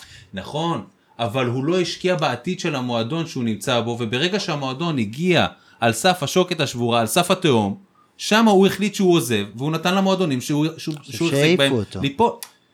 אה, אני, שוב, זה כבר עניין של אה, פרשנות. כן. אני מסתכל על העובדות, אוקיי? עובדתית, אני לא יודע מה קרה, אני רק יודע שהוא היה בעלים, אני יודע שכשהוא היה בעלים יכול להיות שהוא הביא את הקבוצות שלו להצלחה יחסית, כן או לא, גם על זה יש ויכוח, מה זה הצלחה. סתם דוגמא, הפועל כפר סבא לא הגיע לאירופה, הפועל כפר סבא אוקיי. לא גזרה הצלחות בתקופה שלו, אה, ואני יודע שביום שהוא עזב את המועדון, הוא השאיר אחריו קרקע חרוכה. זאת אומרת, זה, זה, הוא, עזב את, הוא עזב את הפועל תל אביב, והפועל תל אביב ירדה ליגה, והפועל תל אביב עד היום לא השתקמה מהעזיבה של אלי טביב. עכשיו, אני לא רוצה לדבר פה על הפועל תל אביב, כי זה לא כן, נושא לא. שלנו, אבל מה שאני בא להגיד זה, מה שאני מבין ממך, זאת אומרת שברגע שהקבוצה תלויה בבעלים אחד, שזה רוב הקבוצות היום בליגה שלנו, ביום שהבן אדם הזה יחליט לקבל סיבוב נקרא לזה וללכת, המועדון פשוט... חראי המבול. זה לא, זה לא משהו שיכול לקרות זה שהאוהדים מנהלים זה את לא רק. זה, זה לא רק זה, אם בן אדם מגיע מראש לפרק זמן שהוא ב, הוא בלב שלו, הוא בראש שלו, אתה, הוא אפילו לא צריך להגיד לך את זה. אני יודע שאני מגיע לעשות סיבוב של שלוש שנים בקבוצת כדורגל. זה מה שהוא מגיע, למה הוא מגיע לקבוצה? מכל מיני אינטרסים, אני לא יודע מה הסיבות שלו. אלי טביב, יש לו את הסיבות שלו, למה הוא בא, למה הוא נכנס לעולם הכדורגל. בטוח שזה לא מהדק, כי אנחנו רואים שכל שני וחמישי הוא עובר קבוצה. זאת אומרת, זה לא בגלל שהוא אוהד כפר סבא או הפועל תל אביב או בית"ר ירושלים. אבל כנראה שיש לו סיבה, כי אתם רואים גם שהוא עושה את זה כל הזמן. כן, אבל... אבל- אני כאילו נתתי אותו דוג- דוגמה כי ה- ה- הוא באמת הניהול שלו הוא קר ואתה רואה אין לו בעיה להעיף שחקנים. אני- ו- אני- הוא קר, כאילו הוא קר לטווח הקצר, שים לב. קונטרה, קונטרה של בן אדם שלא את הקבוצה והוא קר והוא יכול להעיף שחקנים עכשיו לא מעניין אותו כלום. ולדעתי זה עובד לו השאלה אם אנחנו לא רוצים לתת את זה אז אני, אני מזכיר ייעוץ, לכם, ש... אני ייעוץ. מזכיר לכם לא שהעמותה, להיות. מזכיר לכם שהעמותה פועלת לפי 50 פלוס 1. אה, איש עסקים שירצה לבוא אה, ולתת את דעתו המקצועית או לשפוך את כספו ולתרום למועדון, בשמחה. ירצה לבוא כנראה שלא ירצה לבוא לפחות עכשיו אני אבל יש איזה עניין של לחפש אני- אם כן איך אנחנו מחפשים. אז- אנחנו קוראים לספונסרים שלנו אה, אה, שותפ, שותפים נותני חסות. נכון. כי אנחנו רואים בהם כאלה, כשותפים. ואם זה אחד ששם שקל או 100, אנחנו רואים בו קדימה גם כשותף לעשייה בדרך. לכן כשאני אומר 50 פלוס 1, אני אומר שאותם 49 אחוזים, אמנם הוא לא יקבל את ההחלטות בגרשיים כפולות ומכופלות, אבל תהיה לו השפעה. ויהיו לו את אותם אנשים בדירקטוריון, אוקיי? שאלעד מקודם ציין למה חשוב שוועד מנהל יהיה לו את אותה נציגות בדירקטוריון, כי אותו נציג ועד מנהל שיהיה בדירקטוריון, יהיה לו את הקול של העמותה, של האוהד. לעומת אותו בעל עסקים שיהיה, לא, שיהיו לו את האנשים בדירקטוריון, אז פה שיהיה את השוויוני, אבל עדיין לנו את החמישים פלוס אחד. לכן, בעל עסקים, אלי טביב, לא משנה מה השם שלו, מוזמן בשמחה, לשם אנחנו הולכים, אבל עדיין השליטה היא שלנו. אבל אנ- אתם, אנחנו, אני אגיד את זה, אנחנו לא נקבל כל אחד אם הוא לא תואם את אני אה, לא חושב רוח שיש לנו את העמותה. היכולת לברור. אני חושב שכרגע, ושוב, אני, אני חושב שהדיון הזה כרגע הוא תיאורטי. זאת אומרת, טוב. היום, היום אנחנו נמצאים במקום שהלוואי והדיון הזה יהפוך להיות הלכה למעשה. אנחנו כרגע לא חושבים, אבל אני מדובב את האוהדים אני כאילו אתה יודע יש כאלה למה לא למה לא אז אני אה, גם נותן את הדעה הזאת. אז אני חוזר שוב לדוגמה של הדרך הארוכה. אנחנו נמצאים בתחילת הדרך. אין מה לעשות, אנחנו באמת נמצאים בתחילת הדרך. אני יודע, כולנו היינו מתים לעשות עכשיו fast forward ל-4-5 שנים קדימה, לראות את התוצאות של מה שאנחנו עושים היום בעוד 4-5 שנים. הלוואי והיינו יכולים לעשות את זה, אבל אין מה לעשות. הצלחה היא תוצר של עבודה קשה, לפעמים, ס... לפעמים ולאורך סיזיפית, זמן, נכון. ולאורך זמן. אין ב- בסוף, זבנג וגמרנו יכולה להביא אותך להצלחה מיידית, אבל שאחריה כנראה תגיע נפילה גדולה. אנחנו מנסים להימנע מזה, אנחנו לא מתחילים את ה... אנחנו, שוב, זה כמו בנהיגה, כל הדוגמאות שאני נותן. אתה מתחיל בהילוך ראשון, אחרי זה בשני, אחרי זה בשלישי, אחרי זה בחמישי. אם אתה תנסה לעשות את זה יותר מהר, האוטו יכבה לך ואתה תידרדר אחורה. פה, פה זה בדיוק אותו דבר, אנחנו צריכים להעביר את ההילוכים לאט לאט, לפעמים יהיו לנו מהמורות, לפעמים ההילוך לא ישתלב עד הסוף, אבל בסוף אנחנו כל הזמן ממשיכים קדימה. אוקיי, אנחנו קצת אה, סטינו מהנושא. אני רוצה לשאול אותך, אה, אביעד, אה, מה הפתיע אתכם עד כה העונה המקצועית, מנהלתית וקהילתית? זה יכול להיות או לחיוב או לשלילה, יש דברים שהופתעתם מהם? אז אה, כמובן אם אה, אנחנו מסתכלים על, ה, על העשייה ב- במועדון ובעמותה, אז אה, אי אפשר שלא להתפעל מה, מהאנשים, המתנדבים, התמיכה, האהבה להפועל. ידעתי, כולנו יודעים, שאוהדי הפועל הם אנשים מיוחדים, אבל לא תיארתי לעצמי עד כמה. אנחנו זן אדיר. שיר כזה. וגם בהזדמנות זו אני קורא לעוד אוהדים לבוא ולהתנדב, ולפעמים שואלים אותי, מה אתה עושה? או, אז לבוא ולתת תשובה של, זה כיף. כמו תשובה של ילד בגן, אז uh, הסיפוק ש, שמקבלים לאו דווקא מה, uh, מהשם uh, ועד מנהל, אלא מההתנדבות, מה, מההשפעה, מיכולות ההשפעה שיש לך ברגע שאתה נכנס לעשייה, אז uh, כמו שאמרתי זה, זה מספק וזה עושה טוב על הלב. Uh, עכשיו מבחינת המועדון, uh, יש אנשים שמאוד מחוברים לרעיון uh, של העמותה, וזה משהו שמאוד תורם לנו, במיוחד בשלב הראשוני. כמובן אני רוצה uh, לציין אותם בהזדמנות הזו. Uh, אם זה ניב, שהיה מהשלבים הראשונים של העמותה, וכמובן גם uh, uh, רועי. ואני באמת לא יודע מה היה קורה בשלבים הראשונים, שוב פעם אני מציין את זה, אה, של הבעלות, עם, אנוש, עם אנשים שלא מחוברים, שפחות מחוברים לרעיון הזה של עמותת הכחולה. והעשייה של האנשים האלו אה, מפליאה, מפליאה אותי כל פעם מחדש. אה, אני כל פעם שאני מגיע למועדון, לא משנה באיזה שעה, אני רואה אותם. וזה כאילו מאוד מצחיק. אם היינו משלמים להם שכר שעתי, התקציב שלנו היה. נגמר מזמן. ו- וזה ממש ככה. ו- ו- והם עובדים באמת סביב השעון. כמו שאמרתי, ראוי להערכה לגמרי. אם אני מסתכל על, הדברים הפחות חיוביים, ציפיתי לקצת יותר חברים בעמותה. Uh, זה דורש uh, פעילות הסברתית, הייתי אומר של כולנו, אוקיי? של חבר מביא חבר, של שיווק, של הוועד המנהל, של כולנו, אוקיי? ו... אבל לשם אנחנו הולכים. אם דיברנו על ירידה, אני להפך, אני צופה עלייה. כי אנשים בסוף יבינו שזה אנחנו ואין אלטרנטיבה אחרת. אה, דיברנו מקודם על הפייסבוק, אה, חבל לי מאוד על, ה... על העלבונות וההכפשות שיש, אה, שיש בפורום, ביקורת זה חשוב. אם, אם אמרנו מקודם שיש את הפילטור הזה שאנחנו רוצים לעשות, אז ביקורת זה טוב, צריך להגיד אותה בצורה, בצורה דרך. נכונה, בדיוק, יש דרך להעביר את המסרים האלו. אה, ודרך אגב חשוב לי להגיד גם לא כל השתלחות אתה יכול להגיד שהיא ביקורת. נכון. יש דברים שנכתבים בפורום ואני שוב אני לא בא בטענות למי שרושם אני רק מבקש שישימו יותר תשומת לב. לא כל אחד שמשתלח וכותב קבוצה מישהו שכותב קבוצה פח זה לא זו לא ביקורת. בסדר? אבל אנחנו אוהדי כדורגל ו...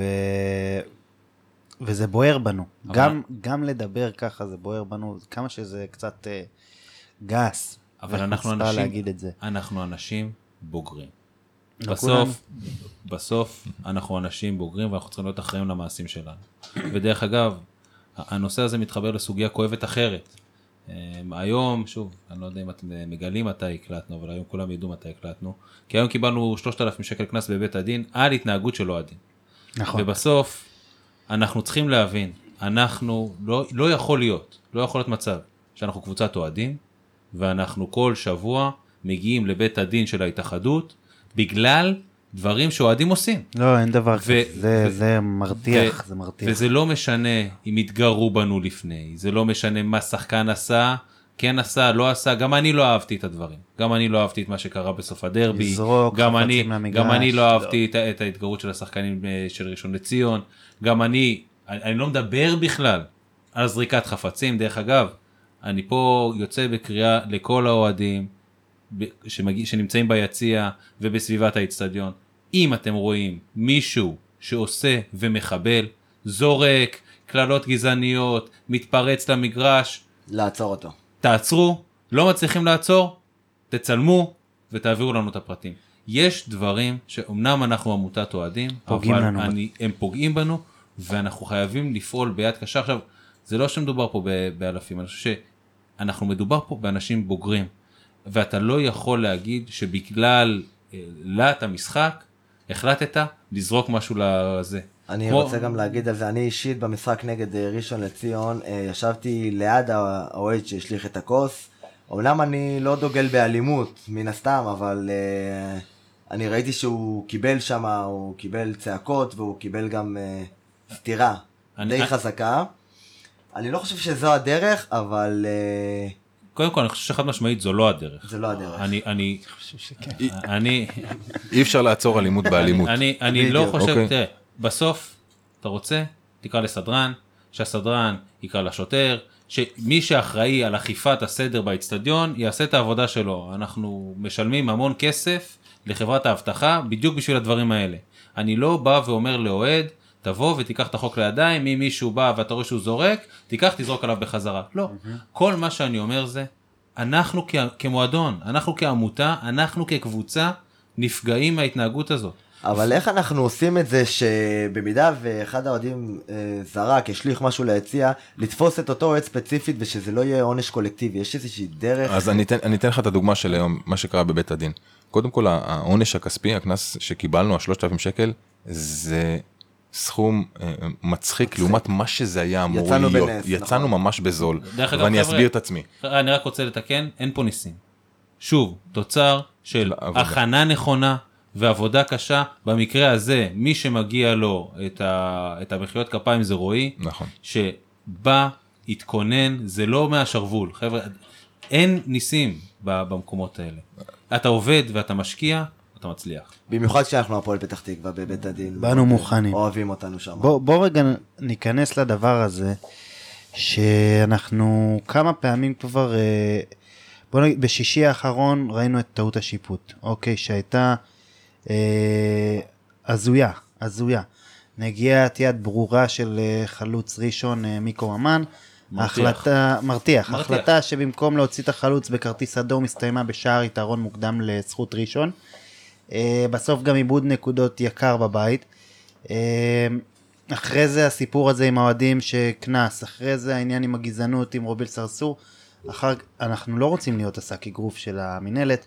אה, איך אנחנו נמנעים מזה? אנחנו, אני חוזר ואומר, במה שתלוי בנו, אנחנו צריכים להסתכל רק על עצמנו. בסוף, אם יש קטטה, אנחנו צריכים למנוע את זה. אני, תראה, אם בסוף קבוצות יבינו, דיברנו על זה שקבוצות כבר לא מאבדות נקודות בגאה, אם קבוצות יגי, יבינו, תקשיבו, האוהדים של הפועל פתח תקווה הם נקודת החולשה שלהם, אז יבואו כל משחק מראש, יגיד, המאמן יגיד להם, "ת- בחימום תלכו תתגרו באוהדים שלהם, תעשו בלאגן. כן, אבל שוב פעם אבל- אני חוזר, סליחה שאני קוטע אותך לאותה שאלה, שמתוך אה, על אלף, למעלה מאלף אוהדים מגיעים, תמיד יהיה את האחד, שתיים, שלוש, לא, ארבע אני- האלה. לא, לא תמיד יהיה. זה בדיוק, זו בדיוק האמרה. שאני כדורגל לא- הוא, הוא לפעמים ברברי גם. אין מה לעשות. שוב, אני, אני בא ואומר, אתה רוצה להיות ברברי? תדע שתישא באחריות לזה.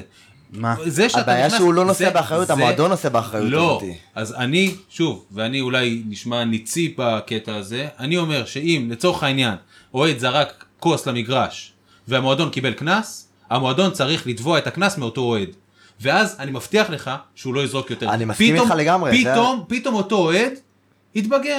אם אתה אומר עד עכשיו הוא לא היה בוגר מספיק בשביל ללמוד, אני מבטיח לך שמהלך כזה יבגר אותו. השאלה ולא רק באמת איך אותו, תופסים הוא את אותו יבגר. גם את האחרים.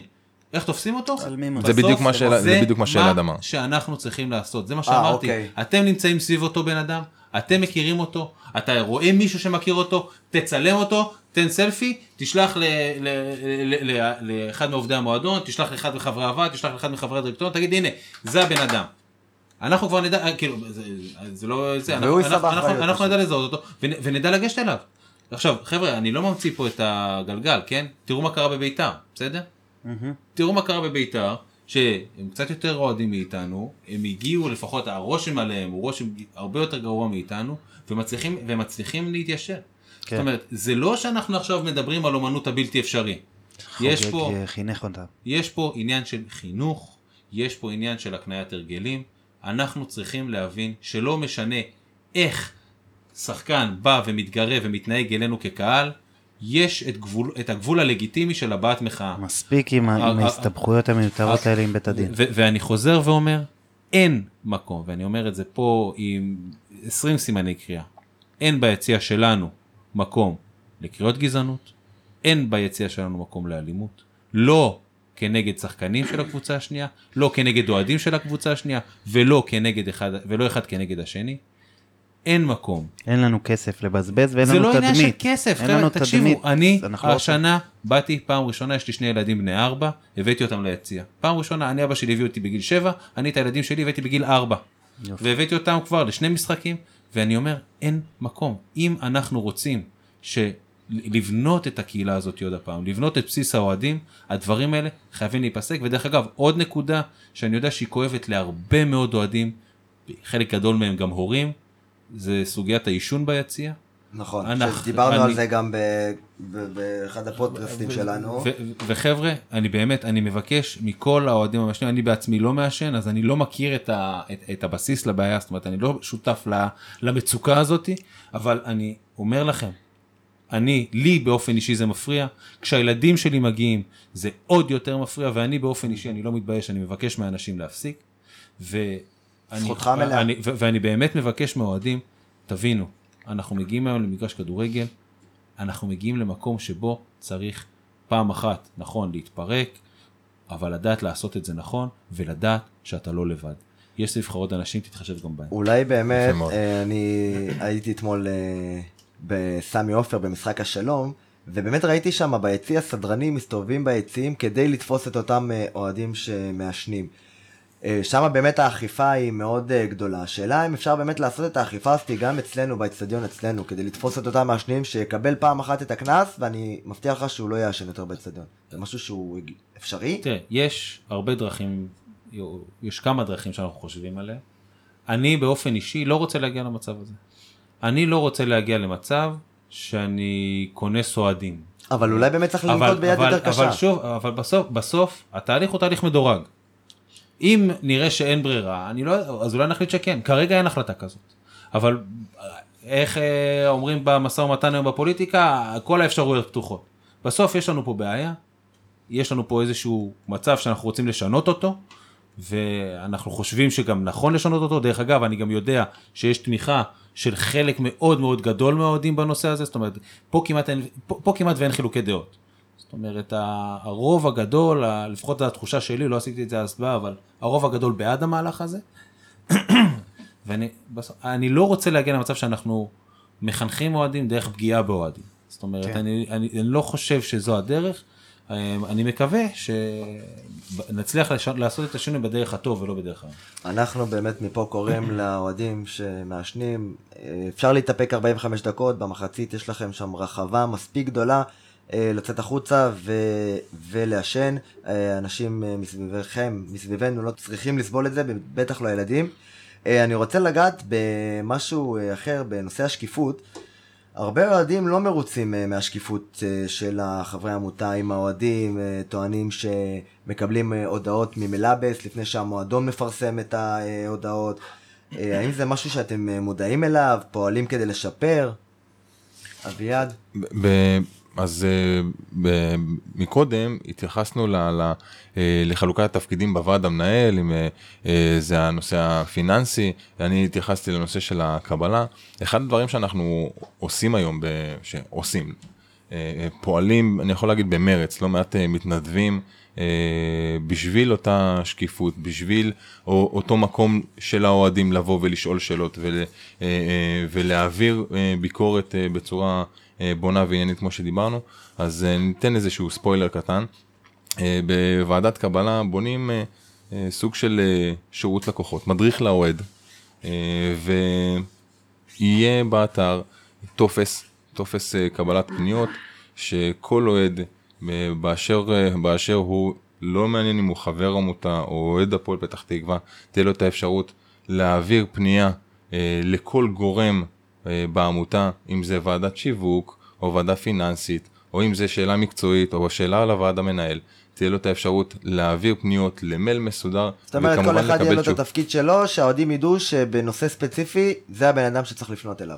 יהיה פשוט טופס מסודר שניתן יהיה אה, אה, לבחור נושא שעליו תהיה הפנייה, יהיה כמו קומבו כזה, אני רוצה לפנות עכשיו בנושא מקצועי. אוקיי, השאלה הבאה, האם אתה רוצה אה, לשאול לגבי שחקן בקבוצה? כן. מוריד אותך לעוד, ש... לעוד סעיף מטה, ובהתאם לזה, אותו אוהד ידע ממי הוא אמור לקבל את התשובה, וממש יהיה, בשפה המקצועית קוראים לזה SLA, יהיה זמן מוגדר לכל ועדה לתת את המענה. לוועדה היהודית שאליה אה, אה, אה, אה, הופנתה השאלה, לדוגמה, למה לא יוצאים במסע פרסום על אה, אה, הצטרפות לבית ספר? זה כמובן מופנה לוועד, לוועדת שיווק. ועדת שיווק תקבל את הפנייה, יש לה זמן מוגדר, יש לה שבוע לתת את המענה. לא נתנה שבוע, הוועדה שמעליה תצטרך לתת את המענה. לא נתנה, בסופו של דבר, התשובה תינתן לאותו אוהד. לכן אני אומר, יש לנו את אה, יש לנו את האנשים שפועלים לכך, כדי שכל אוהד שרוצה לשאול שאלה, שרוצה להעביר פנייה, יהיה, אה, אה, אה, נקרא לזה תיבת פניות מסודרת, שיקבלו עליה מענה בכל שלב ובכל נושא. זה דבר מדהים, מדהים, אני ד- לא יודע אם זה קיים בעוד אה, קבוצה בארץ. ד- דרך אגב, אה, קודם כל, אביה תיארת את זה מאוד יפה, ועד שכרגע המערכת הזאת היא בבנייה. זאת אומרת, היא עדיין לא, עדיין לא עלתה לעלתה, אה, ובאמת עובדים עליה הרבה אנשים, ובאמת תודה רבה לכל מי שעובד על זה. ועד שהמערכת הזאת תעלה, אני באמת אומר, תרגישו באופן מאוד מאוד חופשי לפנות. אני מדבר פה בשם עצמי, אבל אני יודע שאני גם מדבר בשם כל חברי הוועד. נכון. אה, תרגישו חופשי לפנות לכל אחד מחברי הוועד, בין אם באופן אישי, אתם יכולים, לי- אה, אני חושב שאנשים אה, יכולים לפנות אליי באופן אישי בפייסבוק, פנייה אישית, אני, מי שפנה אליי ופנו אליי בעבר אוהדים, כל אוהד שפנה אליי בפרטי קיבל תשובה. אני גם כתבתי לא מזמן שאם יש לכם שאלות אחרות אתם מוזמנים לכתוב פוסטים ולתייג אותי, כי אני לפעמים לא מצליח לעקוב אחרי כל מה שעולה בפייסבוק, בעיקר בימים סוערים. אז שאם יש, ש- שיש דברים שהתפספו וגם פה היה אוהד ששאל שאלה ואיכשהו פספסתי אותו, חזר אליי אחרי יום, שאל אותי מה עם התשובה, תייג אותי עוד הפעם, עניתי לו. אני- השאיפה היא באמת פעם אחת להיות ועד שיכול להגיב ל- ל- לשאלות, ומעבר לזה, אנחנו מודעים שהייתה בעיה, אנחנו חושבים שעדיין יש בעיה. וגם בתוך הוועד, אנחנו, בתוך הוועד, בתוך הדירקטוריון ובתוך המועדון, אנחנו רוצים לבנות איזושהי מערכת פנימית שלנו, שגם תדע להיות פרואקטיבית, לא רק ריאקטיבית. זאת אומרת, לא רק להגיב לפניות אוהדים, אלא באמת לייצר את ההוצאה הזאת של המידע החוצה באופן התנדבותי. אה, אולי איזה איגרת אחרי כל ישיבה. אז דרך אגב, אני לא רוצה להשתמש במילה איגרת, כי זה מזכיר איגרת- נותן פה קונוטציות, כן, אבל- כן, אבל כן. דרך אגב, סתם לדוגמה, משהו ש- שאנחנו טועים שאנחנו לא עושים, אנחנו אחרי כל ישיבת דירקטוריון, אה, אחרי כל ישיבת אה, ועד, אנחנו מייצרים פרוטוקול לעניין של שבוע, שבועיים אחרי הישיבה, הפרוטוקול עולה לאתר. עכשיו, אני לא יודע כמה אוהדים בכלל מודעים לזה שזה קורה. אני מזמין לא מודע. את כל חברי המועצה, כל חברי איזה העמותה. אתר? לאתר, לאתר, לאתר העמותה. באתר העמותה, אחרי, זה כרגע פתוח רק לחברי העמותה, כי בסופו של דבר אנחנו מינוי של חברי עמותה, לא של כלל האוהדים, וכל חבר עמותה יכול להיכנס לאתר העמותה אחרי שהוא מקיש את- השם משתמש והסיסמה שלו, תחת אה, סעיף אודות, יש שם אחת מהקטגוריות זה פרוטוקולים והחלטות, וכל פרוטוקול, ש- וכל ישיבת ועד מתועדת בפרוטוקול, אתם תוכלו לראות מה הנושאים ש... שנדונו באותה ישיבה, מה ההחלטות שהתקבלו באותה ישיבה, אז אולי בצורה באמת- מאוד מאוד מאוד אה, פתוחה, גלויה, שקופה. אה, כל כמה זמן יש ישיבה? יש איזה משהו קבוע? לפחות אחת לחודש, אה, לדוגמה בתקופות כאלה אנחנו נפגשים בתקופות יותר, אה. יותר אינטנסיבי, סתם לדוגמה הייתה לנו ישיבת ועד אחת אתמול, אני מניח שהפרוטוקול יעלה בשבוע שבועיים הקרובים, יש לנו, ובגלל שיש לנו הרבה דברים על השולחן, קבענו ישיבת ועד נוספת ליום ראשון. זאת אומרת, בהתאם ל... כמו שאמרתי, אנחנו. אנחנו גם חיים את המועדון, אנחנו לא מגיבים בקצב של המועדון, אה, הקצב של המועדון הוא אחר לגמרי, אה, הרבה יותר גבוה, אבל אה, גם אנחנו חיים את זה, ושוב, היום, אני, אם אני לא טועה, דרור היום פרסם את הדירקטוריון במקביל להעלאה שלו לאתר, הוא גם שלח אותו בקבוצת הוואטסאפ. זאת אומרת, כי אנחנו מבינים שיש בעיה בהנגשה, אה, ואנחנו מנסים לטפל בה, ואני מאוד מאוד מקווה שבשבוע, שבועיים הקרובים, אה, דוגמה מה שדרור עשה לנו זה ניצן של שינוי. אני מקווה שיראו עוד ניצנים כאלה, שבסופו של דבר זה כבר יהיה טריוויאלי. כן, זה אני- כבר לא יהיה משהו... אני אולי, רוצה... רגע, אה, אז אולי בעניין הזה שדיברתי איתך על העניין של השקיפות, אז הנה, אתה אומר שיש בעצם פרוטוקול שעולה לאתר עמותה ומזמין כל אה, חבר עמותה להיכנס, וזה דבר אפילו שיותם שיושב פה לידי אמר שהוא לא יודע, אולי באמת שווה יותר לשתף את האוהדים שיש להם את האופציה הזאת אה, להיכנס לאתר, כאילו, הד- הדברים הקטנים האלה.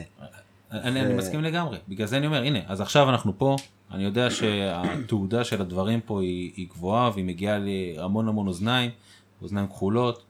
אני מזמין אתכם, זה, זה המקום, באמת, בואו תיכנסו, ושוב אני אומר, אם יש לכם שאלות ספציפיות וכרגע אתם מרגישים שאין לכם, אתם לא יודעים למי להפנות אותם, תפנו אליי, תפנו לכל אחד מחברי הוועד, אנחנו כבר נדע לאן להפנות את השאלה, אם, אם אנחנו נדע לתת את התשובה ניתן אותה מיד, אם, אם אנחנו לא נהיה הגורם שאמור לתת את התשובה, אנחנו נדע להפנות אותה לגורם הרלוונטי.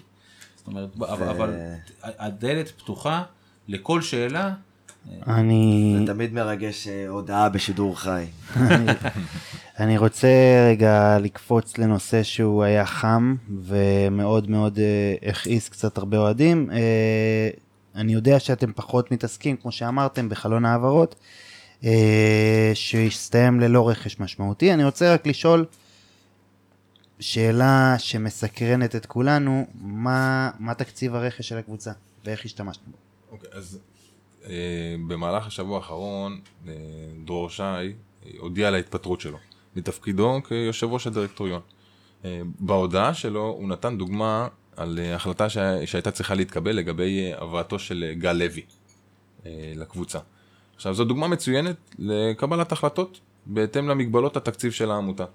הבאנו שחקנים טובים מאוד ביחס לתקציב שהיה לנו, אה, ו... כמו שאמרנו, אחת המטרות ואחד ערכי היסוד נקרא לזה של העמותה זה אי חריגה מתקציב, שמירה על תקציב מאוזן והחלטה האם להביא תק- אה, שחקן כזה או אחר ופגיעה בתקציב היא לא באה בחשבון כי, זה, כי זו מטרת העמותה. עכשיו אה, לגבי חודש ינואר אה, וחיזוק, אני קודם כל כמו שאמרנו מקודם אנחנו סומכים על הגורמים המקצועיים. אני בספק מי עוד, אני לא יודע אם יהיה, אם יהיה רכש. כמובן, אלא אם תהיה הפתעה בדמות ספונסר חדש, שאנחנו אמרנו שאנחנו כל הזמן פועלים לשם כך, או גל מצטרפים לעמותה. אנחנו תמיד מעודדים שכרגע- להצטרף אה, אה, לעמותה, אה, וגם ניתן לעשות גיוס כספים. אני, אני, זה חלק מהדברים שטוב או לא טוב, זה חלק, זה אחת האופציות. זאת אומרת שכרגע התקציב אה, מבחינתכם סגור לרכש בינואר, אלא אם כן יקרה איזה משהו אה, בלתי צפוי שיביא אה, עוד איזה הכנסה בלתי צפויה. תשמע, אני, אני לא רוצה לצאת פה בהצהרות כי אני, אני לא חושב שאנחנו האנשים שאמורים לצאת בהצהרות האלה ויכול להיות שאנחנו נגיד פה משהו אחד ובסוף אתם תראו שבמציאות יקרה משהו אחר. אה, אבל אני, אני כן רוצה לנצל את ההזדמנות הזאת. אה, אולי לתת קצת, להסביר קצת איך בכלל נבנה התקציב, מאיפה המקורות, איך, איך, איך מחליטים מה המספר, מה, מהו אותו שכר שחקנים, מאיפה מגיע הכסף, לאן הולך הכסף, איך זה נקבע. אה, אז אוננת של מה שנקרא, על, על קצה המזלג. אם אנחנו מסתכלים על ההכנסות, אני, אני אדבר בעיקר על ההכנסות, בסדר? כי ההוצאות זה יחסית פשוט. ההכנסות שלנו מורכבות, חלק את זה בגדול באופן מאוד מאוד גס, להכנסות בטוחות או כמעט בטוחות בסבירות מאוד מאוד גבוהה, להכנסות לא בטוחות. בתוך ההכנסות הבטוחות אנחנו מכניסים את כל מה שאנחנו קוראים לו תקציבים ממוסדות. אה, טוטו, מינהלת, עירייה, אה, עיריית פתח תקווה, מרכז הפועל, זה כסף. העירייה עוזרת? העירייה עוזרת, אה, יש לנו דלת פתוחה אצל ראש העיר ובאמת אנחנו זוכים ממנו לתמיכה ושיתוף פעולה מאוד מאוד גדול. כמה אנחנו מקבלים מהטוטו? גם, גם, כש, גם, כשיש, גם כשיש בעיות אה, בעירייה, אה, ראש העיר עוזר לנו להזיז ערים, זאת אומרת באמת. אה, זה, זו נקודה, אין לי פה את הנתונים, אני לא זוכר בעל פה את הנתונים של הטוטו. ו- בערך אנחנו. אני, אני, לא, אני לא לא רוצה, אני, אני יודע, אני פשוט לא רוצה להגיד סכום שבסופו של דבר אני אגלה שהוא לא נכון. זה לא שוב, זה לא, זה לא שיש משהו להסתיר, כי אה, גם באספה אנחנו הצגנו את הדוחות הכספיים, ואנחנו נציג אותם שוב, זאת אומרת, אה, ברגע ש... יהיו לנו, ברגע שנגיע למצב של אספה כללית והצגת, והצגת הנתונים הפיננסיים אנחנו נציג אותם אה, ואחת בתור- בתור אוהד ששם כסף בקבוצה, האוהדים רוצים לדעת כמה כסף יש בקבוצה. אז, אז כמה פר- זה פרסמנו- עוזר למי- פרסמנו, פרסמנו בחלק, זה נפח יש פרסמנו לזה. כמה פעמים את, הנתון, את, את הנתונים של ההכנסות ופחות או יותר תקציב השחקנים, אני לא, אם אני זוכר נכון? זה היה 2.8, אני לא זוכר אם זה יצא באתר העמותה או, ב- או במסגרת פוסט אה, של, אה, של העמותה הרשמית או של אחד מחברי הוועד, אני, אני כבר לא זוכר איך זה יצא, אבל זה יצא. ובמסגרת אה, אמורה להיות לנו אספה חצי במהלך- שנתית. במהלך החודשיים הקרובים תתקיים אספה כללית. אני, סליחה שאני עוצר אותך אלעד, אבל זה, לצערי, באספות כלליות האחרונות שהיו, לא זכינו לכמות אה, אוהדים רחבה שהגיעה. אנחנו מדברים על עשרות בודדות. ואם אנחנו במהלך העונה, גם מקצועית וגם אה, אה, אה, לגבי הניהול של העמותה, באים בטענות ומעבירים ביקורת אה, אה, בפורום, חבר'ה, ההזדמנות הזו שיש לנו כאוהדים וכחברי עמותה לבוא, להיפגש, להעלות נושאים, לשאול שאלות, לקבל דין וחשבון, ממש ככה, לקבל דין וחשבון מהעמותה, הן בפן התקציבי, הן ב- ב- בהחלטות ניהוליות כאלה ואחרות, זה המקום. אני באמת מזמין את כל חברי העמותה ואת אוהדי הפועל לאספה הכללית, כמובן יצא פרסום אה, לגבי מועד, ה- לגבי מועד האספה. אני באמת מזמין את כולם, זה המקום שלנו לבוא לידי ביטוי כאוהדים, כאוהדים וכחברי עמותה. סליחה שעצרתי אותך. אני אה, אלעד. הייתי האמת באספה הקודמת שהייתה, ואני מאוד נהניתי ומאוד השכלתי גם אה, מהאספה הזאתי.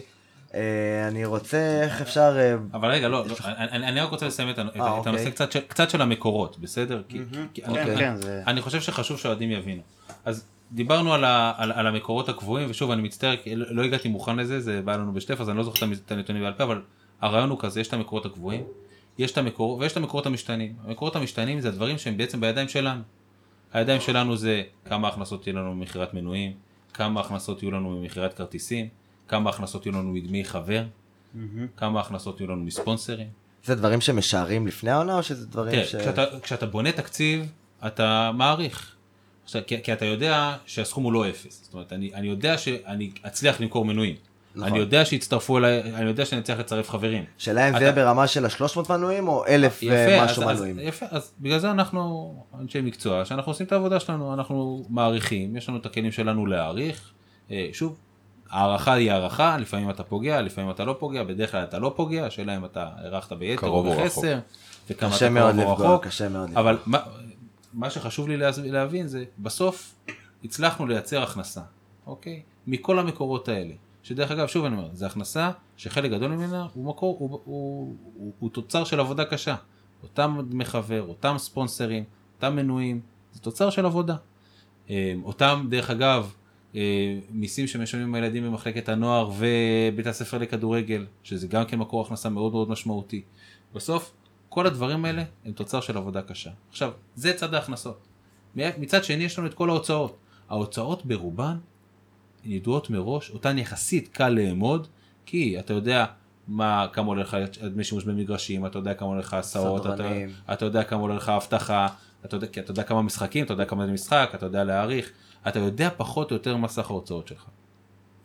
ואז אנחנו לוקחים את כל ההכנסות, פחות כל ההוצאות שאנחנו יודעים, חוץ משכר שחקנים, והעודף בעצם שנשאר מההכנסות, אחרי שאת כל ההוצאות הידועות כבר שמנו, זה בעצם הופך להיות תקציב השחקנים שלך. עכשיו, הסיבה שאני מתאר את זה זה כי תבינו שבסוף כל שקל נוסף שאנחנו מצליחים להכניס למועדון, שלא תקצבנו אותו, זאת אומרת, חשוב, חשוב גם את זה להגיד, זאת אומרת, אם אני בהתחלה אמרתי שאני צופה שיהיו לי אלף חברי עמותה שישלמו אלף שקל, זאת אומרת, אני מצפה שיהיה לי מיליון שקל מדמי חבר, אז זה שגייסתי עכשיו ספונסר ב-200 אלף שקל, למרות שחשבתי שיהיה לי ספונסרים של אה, רק של אה, 100 ובסוף צריך לגייס 300, אבל בדמי חבר פספסתי ב-200 אלף, זה לא אומר שיש לי כסף חדש. זה, זה סטייה אחת חיובית שמחפה על סטייה שלילית. מתקזז. אבל מה שאני בא להגיד זה בסוף כל שקל שנכנס אמיתית, הוא נכנס לשכר השחקנים. אז אם אנחנו רוצים להצליח להביא עוד כסף להגדיל לשחקנים, את הדלתא הזאת. כי, כי בסוף ההוצאות האחרות הן כבר קבועות. הן באמת קבועות. אי אפשר לסטות. הד, עם- הדבר, כי, או, או, או, או, שהם, או שרמת הגמישות שלהם היא מאוד מאוד מאוד נמוכה. אה, אבל אה, שכר השחקנים זה באמת, באמת הנקודה, ודרך אגב ככה גם אה, בבקרה התקציבית בונים את התקציב. כן. כשאתה מציג תקציב בבקרה תקציבית, ככה הבקרה התקציבית דורשת ממך לבנות את התקציב שלך. ופה המקום להבין שכל שקל שאנחנו מצליחים להכניס מעבר למה שציפינו, או כל שקל שאנחנו מצליחים להכניס בשביל לסתום חור שעמדנו אותו, ב... או שהערכנו בגבוה ולא הצלחנו לכסות, זה בסופו של דבר השקל שילך בדיוק לאותו שכר שחקנים, וחשוב לי פשוט שאוהדים יבינו גם כן. איך זה עובד, וכמו שאביעד אמר, תהיה לנו אספה כללית בעוד אה, חודש או חודשיים הקרובים, וגם שם אנחנו נציג את זה, ושם אני, אנחנו נתכונן יותר כמו ש- ממה שהתכוננתי על ההצגה הזאת, וגם נציג, השאיפה היא להציג כמה שיותר, בצורה כמה שיותר אה. נוחה ומפורטת את המצב הפיננסי של הקבוצה. אז שתי שאלות רק שתענה לי בכן או לא. תקציב השחקנים הוא 2.8 בערך, אם אני זוכר נכון, זה פחות או יותר המספר. אוקיי.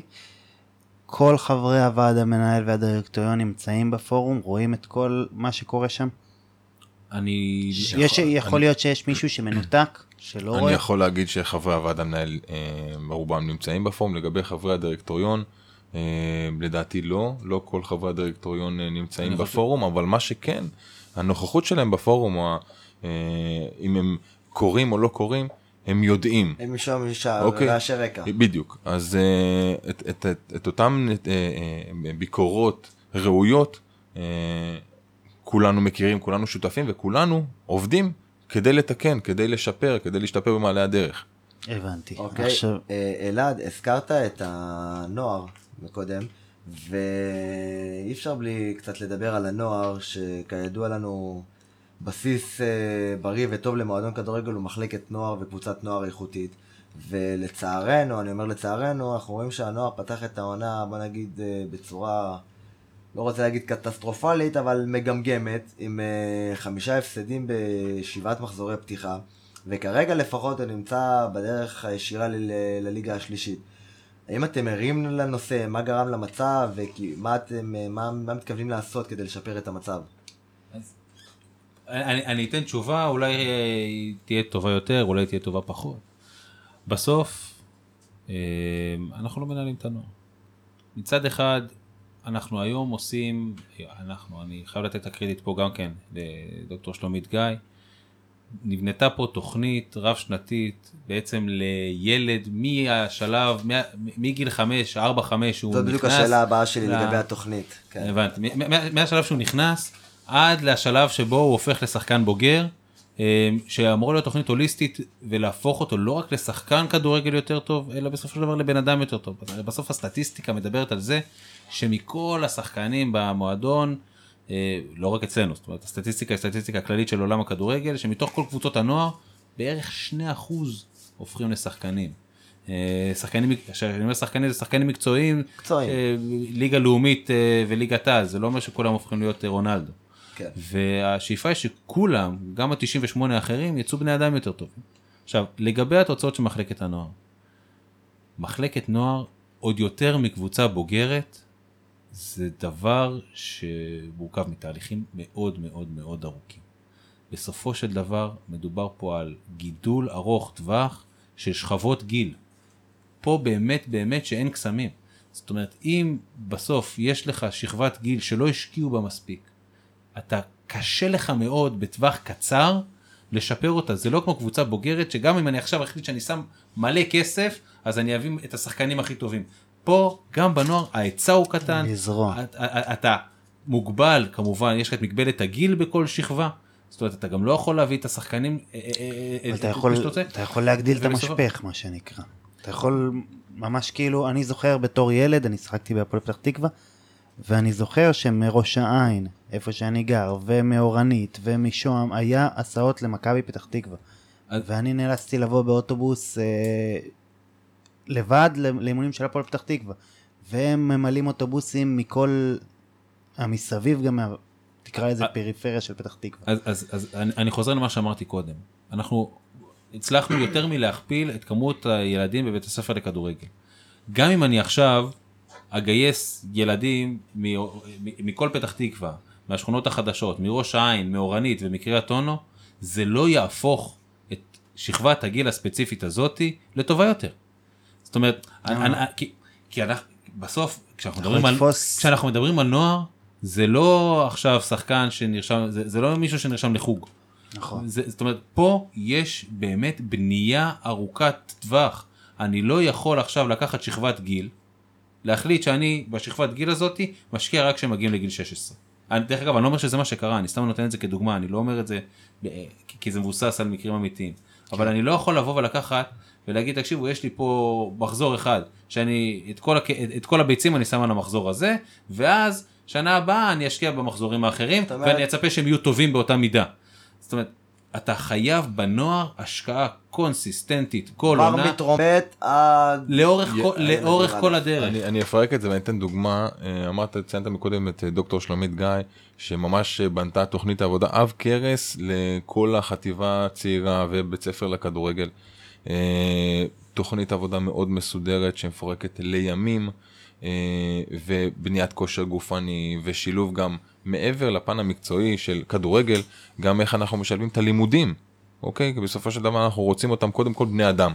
אגב, בהתייחס למה שדיברנו מקודם, אה, ביציע, אנחנו קודם כל רוצים אותם בני אדם, אה, וכמובן אה, אה, גם שחקני כדורגל, והמאמנים מחוברים לדברים האלה. כל מאמן מדי שבוע צריך להציג תוכנית עבודה מסודרת למנהל המקצועי, מה בדיוק אני הולך לעבור עם השחקנים השבוע. יותר מזה, יש משולש שדוקטור שלומית גיא דיברה עליו גם אה, באספה הכללית האחרונה של מועדון, הורה וילד. והמשולש הזה, אה, השילוב של ההורים אה, בעשייה ובהתפתחות וההתקדמות של הילדים אה, אה, אה, בקבוצה, זה, אני לא יודע אם יש לזה אח ורע בכדורגל הישראלי, אבל אה, הורה מעורב אה, זה הורה תומך. ותמיכה שניתנת לילדים האלה היא לא פחות חשובה, ודיברנו מקודם על זרעים, אז את הפירות יש הורה אנחנו... תומך ויש הורה יותר מדי תומך. אז זה ההבדל בין, בין, בין לזה. מעורבות להתערבות. בדיוק. בין מעורבות להתערבות, ואני מעדיף כמובן אה, אה, הורה מעורב שאני אשתף אותו, ואחת למספר חודשים יש אה, משוב, משוב של המאמן להורה, איפה בדיוק בסקאלה נמצא הילד, כמה הוא התפתח, כמה הוא התקדם, מה הוא צריך להתמקד יותר בהמשך העונה, ו, וההתפתחות הזאת היא, היא, היא, היא כלי, היא כלי לשיפור שאנחנו רוצים לראות אה, במהלך השנים, אה, ואני באמת, אה, ואני באמת מאמין שאנחנו רוצים, אנחנו רוצים לראות תוצאות כאן ועכשיו, כן. ובמיוחד בילדים, אנחנו רואים את התוצאות כמה וכמה שנים אחרי. כן. קצת לא נעים להמליץ על זה, אבל uh, אני מאוד ממליץ ללכת ללמוד מהיריבה העירונית איך מייצרים כישרונות, לא איך מייצרים בני אדם. דרך אגב, אם, אם את, ה, את אותה המלצה בדיוק קיבלה היריבה העירונית. מאיתנו. לפני כמה שנים. לפני איזה 20 שנה. נכון, זאת אומרת, משם זה התחיל. נכון. אה, נכון. ו... זה גלגל כזה, סתם אני אשתף אתכם שבמהלך ה... אה, אה, במהלך השבועיים האחרונים יצא לי להיות גם במשחקי נוער של אה, עוד קבוצות בעיר, לדוגמה מחנה יהודה, שמשחקת בליגה הארצית, ושיחקה, היה משחק עונה, מקום ראשון נגד מקום שני, ואחד השחקנים בקבוצה היריבה הרשים אותי מאוד, כאוהד הפועל פתח תקווה, מה אני רוצה? תביא אותו אליי. הרמתי טלפון לניב, אמרתי לו ניב, תקשיב, יש שחקן. אני מקווה מצוין." שלא שומעים את זה במחנה. אני לא, אני לא אגיד שם, לא, הוא שחקן בקבוצה היריבה, הוא לא שחקן מחנה, שחקן בקבוצה אה, היריבה. שחקן בקבוצה היריבה. אה, אמרתי לו, ניב, תקשיב, יש כאן, נכנסתי לאתר של התאחדות, כמובן אה, השחקן מופיע שם, אמרתי לו, תקשיב, שחקן ככה וככה, הפתיע אותי, הרשים אותי, עשה מהלכים יפים, אין בעיה. לקח את הפרטים. הוא? חריגי, לדעתי הוא 18-19, וואלה. אפילו יותר. אין בעיה, מעביר את הפרטים, לקח את הפרטים, העביר אותם אה, לסקאוטים, לסקאוטרים שלו, שבוע, אה, שבוע לאחר מכן היו, הרשים גם אותם, בדקו את הדברים לעומק, הוא חריג גיל, זה בדיוק התוצאה, הוא חריג גיל, כך שלא ניתן להעביר אותו למחלקת נוער שלנו, אלא ישר לב- רק בוגרים. עוד פעם, זה בסופו של דבר חלק מהשיקולים, אני לא איש מקצוע, אני התלהבתי משחקן כי באתי לראות כדורגל. אבל זה, לדוגמה, זה משהו שיש עליו גם דיבורים בקבוצות הוואטסאפ ו- ובפורום, למה אנחנו לא עושים את מה שמכבי עושים? חבר'ה, יש לנו יותר אוהדים מהם, ברגע שאנחנו נלך ונראה ילדים משחקים כדורגל, האם אנחנו חושבים להמליץ או לא להמליץ, או לעודד אותם לבוא ולהצטרף לבית ספר של הכדורגל, זה יחזור אלינו. זהו, על זה בדיוק גם רציתי להגיד, אה, כי אנחנו אומרים את זה בתור, בכאב, שאנחנו רואים את אה, קבוצת הנוער של מכבי פתח תקווה זוכה באליפות אה, המדינה, והקבוצה שלנו קצת מדשדשת בליגה השנייה, אבל אין מה לעשות, זה תוצאה של שנים של הזנחה, ושמענו גם שבאמת אה, אנשי מכבי שולחים אנשים למשחקים, למשחקי נוער, נערים שלנו. אמנם אני יודע שאנחנו לא יכולים למנוע את זה, כי זה לא משהו שהוא לא חוקי, אבל אנחנו כן צריכים לעשות את זה, דווקא לקבוצות אחרות, באמת לנסות למצוא שם את הכישרונות ולמשוך אותם למחלקה שלנו. אה, זה יעשה לנו באמת רק טוב. ו... ד- דרך אגב, אני רק רוצה לציין עוד משהו, ששימו לב, נכון, הקבוצה של מכבי, קבוצת הנוער לקחה אליפות עונה שעברה, אבל תראו שזה לא כל כך השפיע על התוצאות של הקבוצה הבוגרת. נכון. זאת אומרת, גם... קבוצה בוגרת ירדה ליגה באותה עונה. ובדיוק. נכון. זאת אומרת, שימו לב שגם פה יש איזשהו דיסוננס. לא ניכנס צריך לעשות לסיבות, את השילוב אבל- הזה נכון. אה, אה, בדיוק. אה, טוב, אנחנו ממש לקראת סיום, אה, ממש עוד איזה שתי שאלות. שאלה ראשונה, יש לכם איזה מסר חשוב שאתם רוצים להעביר מכאן לאוהדים שלנו? איזה משהו שיושב אני- לכם על הלב? אז אה, אם זה לא היה ברור במהלך כל הפודקאסט הנפלא הזה, זה שלנו. אוקיי? זה שלנו אה, לטוב ולרע. בסוף אנחנו מכירים מהיציאה, אנחנו חברים אחד של השני, אנחנו מתנדבים. אוקיי? לאו דווקא אלעד ואני, כל אה, חבר עמותה שמתנדב, אנחנו מתנדבים. לא עושים את הדברים מ- בשכר, אלא נטו מאהבה לקבוצה. אה, לכן ביקורת זה טוב, אוקיי? אנחנו גם לומדים מזה, אוקיי? אבל אה, במידה ואתם רוצים אה, להיות חלק מהדבר הזה, אני מזמין אתכם, שוב, להתנדב. חברים, בואו לסירקין, בואו למתחם אימונים, בואו לראות כמה המועדון הזה, אה, דיברנו מקודם על, ה, על האינטנסיביות שיש במועדון הכדורגל, זה, אה, צריך לראות את הדברים כדי, אה, כדי להאמין, ואם אתם רוצים לשנות ולהשפיע, אוקיי, תציעו, תציעו את עצמכם, תבואו להתמודד לבחירות, תגישו מועמדות. בסופו של דבר, כמו שאמרתי, זה שלנו, כל אחד ואחד מאיתנו יכול להשפיע, להיות חלק מהעשייה הזאת. אני בתור אחד שמתנדב אה, לא מעט, אני יכול אה, להעיד שבאמת אה, המתחם אימונים בסירקין פתוח לכולם, פתוחים שם לדעות, תמיד פתוחים לעוד אנשים, לעוד ידיים, לעוד עיניים, וזה באמת כיף גדול וסיפוק מאוד גדול.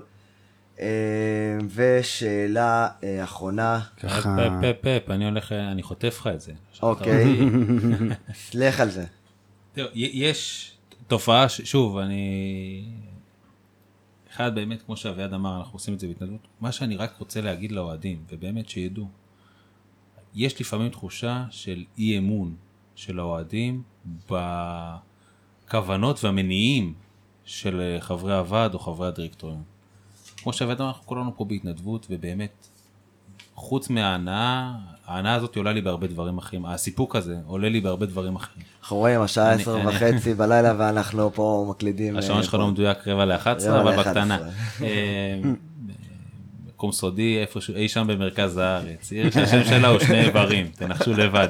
אה, מה שאני בא להגיד זה, גם אם לפעמים אנחנו עושים טעויות, או גם אם לפעמים אנחנו מקבלים החלטה שלחלק מהאוהדים נראית לא נכונה, תאמינו לנו שעשינו את זה מתוך כוונה להיטיב עם הקבוצה או עם העמותה. זאת אומרת, זה הבסיס לכל ההחלטות. זה אחד. דבר שני, עוד בקשה לאוהדים, ואני יודע שרוב האנשים שנמצאים ביציע מאזינים לפודקאסט הזה. כבר נתתי את הדוגמה הזאת, כבר עשיתי את ההשוואה הזאת פעם אחת, אני אעשה אותה עוד הפעם. אני מסתכל על הקבוצה כאילו הילד שלי. ולפעמים אני רואה את התגובות של אוהדים כלפי שחקנים בסוף משחק, או אפילו במהלך משחק, וזה כואב לי. לא יכול להיות, כואב לי שאנחנו מקללים את השחקנים שלנו, כואב לי שאנחנו, בין אם זה במהלך משחק, בין אם זה אחרי המשחק, כואב לי שאנחנו משתלחים בהם כשהם למטה. אני, הבן שלי לפעמים עושה דברים, למרות שאני אומר לו אל תעשה. אל תעשה, אל תעשה, אל תעשה, ואז הוא עושה, נופל, מקבל מכה ומתחיל לבכות. ברגע הראשון אני מתעצבן עליו. קודם כל עולה לי הפיוז. אבל שנייה אחרי שעולה לי הפיוז ואני צועק לו מה עשית? אני בא ואני מחבק אותו, ואני מנשק. אותו, כי הוא הבן שלי. כי אם אני לא ארים אותו, אף אחד לא ירים אותו. אם אני לא אבנה אותו, אף אחד לא יבנה אותו. אז מותר לכעוס, ואחרי הפסדים מותר להתעצבן, וגם אני מתעצבן. איך הרגשת אחרי ו- הדרבי? אחרי הדרבי, התחשק לי לבלוע את עצמי. התחשק שמישהו יבלע אותי, אבל, ותשאל את האנשים שהיו סביבי. ואני יכול, אני לא אגיד שמות של אוהדים, אבל אני, אני, באמת, היו סביבי אוהדים שראו את זה, ואמרתי, תמחאו כפיים לשחקנים, כי אם אנחנו עכשיו נקלל אותם, זה לא יעזור. בסוף, כל מה שאני עושה, המטרה הסופית שלו היא לקדם את המועדון קדימה. היא, היא שבמשחק הבא יהיה יותר טוב. ואם אני עכשיו, אחרי דרבי, אחרי שהשחקנים, מה אתה חושב, שהשחקנים לא הרגישו זוועה אחרי הדרבי? כל אחד מהשחקנים מתחשק לו ש... ש... להיקבר בדשא.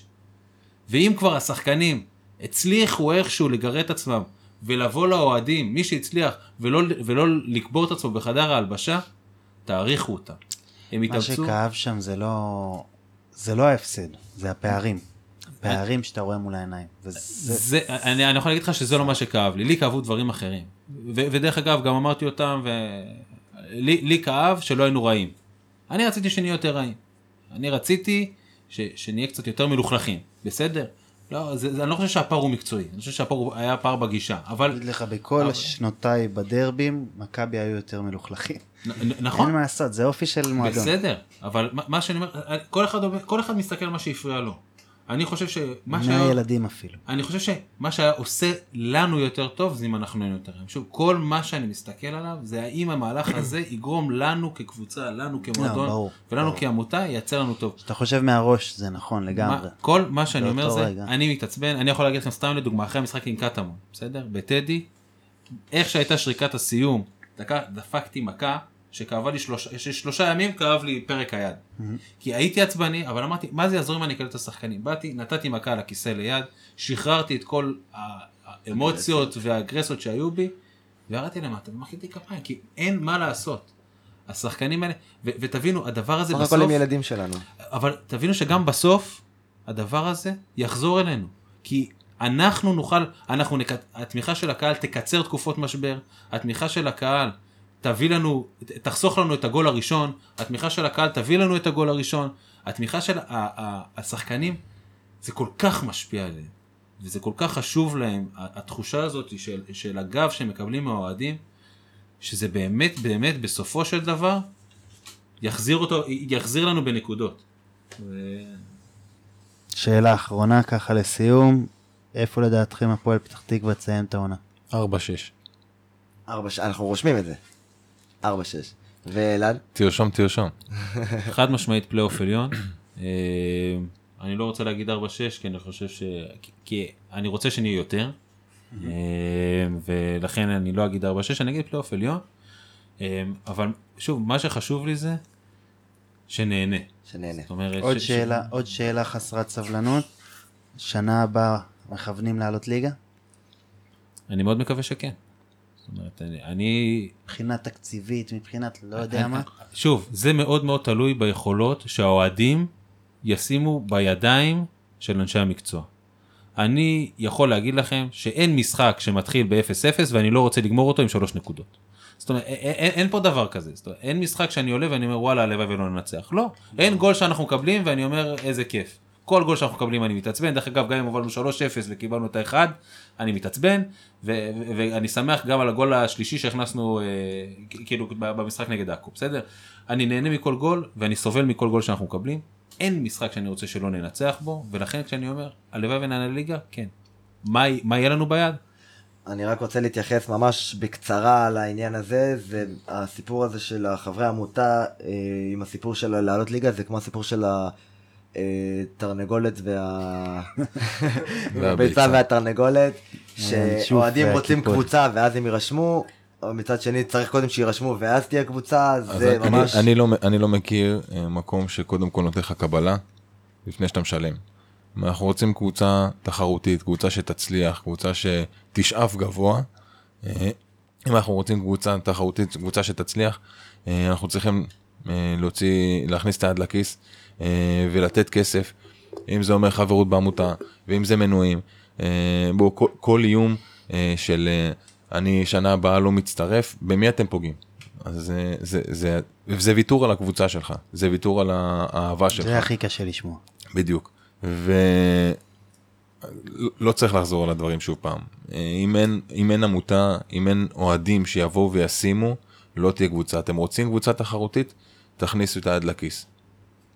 הבנתי. Uh, טוב, אז uh, כמו אני רוצה להגיד דבר כזה, רובנו אה, לא, לא נרתמנו, לא עזבנו הכל והלכנו מה שנקרא, כמו שאלעד אמר, אה, נכנסנו מתחת לאלונקה, רובנו היה לנו את, אה, את הסיבות שלנו. אלה החבר'ה שהם אה, מתחת לאלונקה, אלה החבר'ה שמזיעים, שמתאמצים, שאכפת להם, הם אוהדים כמונו. אה, כל הכבוד לכם, אני רוצה להגיד לכם. אני רק רבה. רוצה להגיד לכם. שהתיאורים היום של אלעד ואביעד, אה, התיאור עם המחברות והתיאור עם הילד שנפל, זה כל תיאור מלמיליאן. נתתם פה הרבה תשובות להרבה אוהדים, אנחנו מה שנקרא, אה, לקחנו מהפורום את רוב השאלות כאן, וקיבלנו פה תשובות אה, לדעתי מספקות. אה, גם לפני הרעיון הזה, אני ו- ואביב פה היה לנו ויכוח, וגם לי עניתם. תודה רבה לכם, אנחנו באמת באמת אה, מאמינים בכם, מאוד מעריכים תמשיכו אתכם, בעשייה המדהימה הזאת שאתם עושים.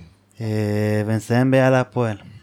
תודה רבה ויאללה. רבה. תודה, רבה לכם על הבמה, ובאמת פודקאסט אגדי. אגדי. תודה, ביי.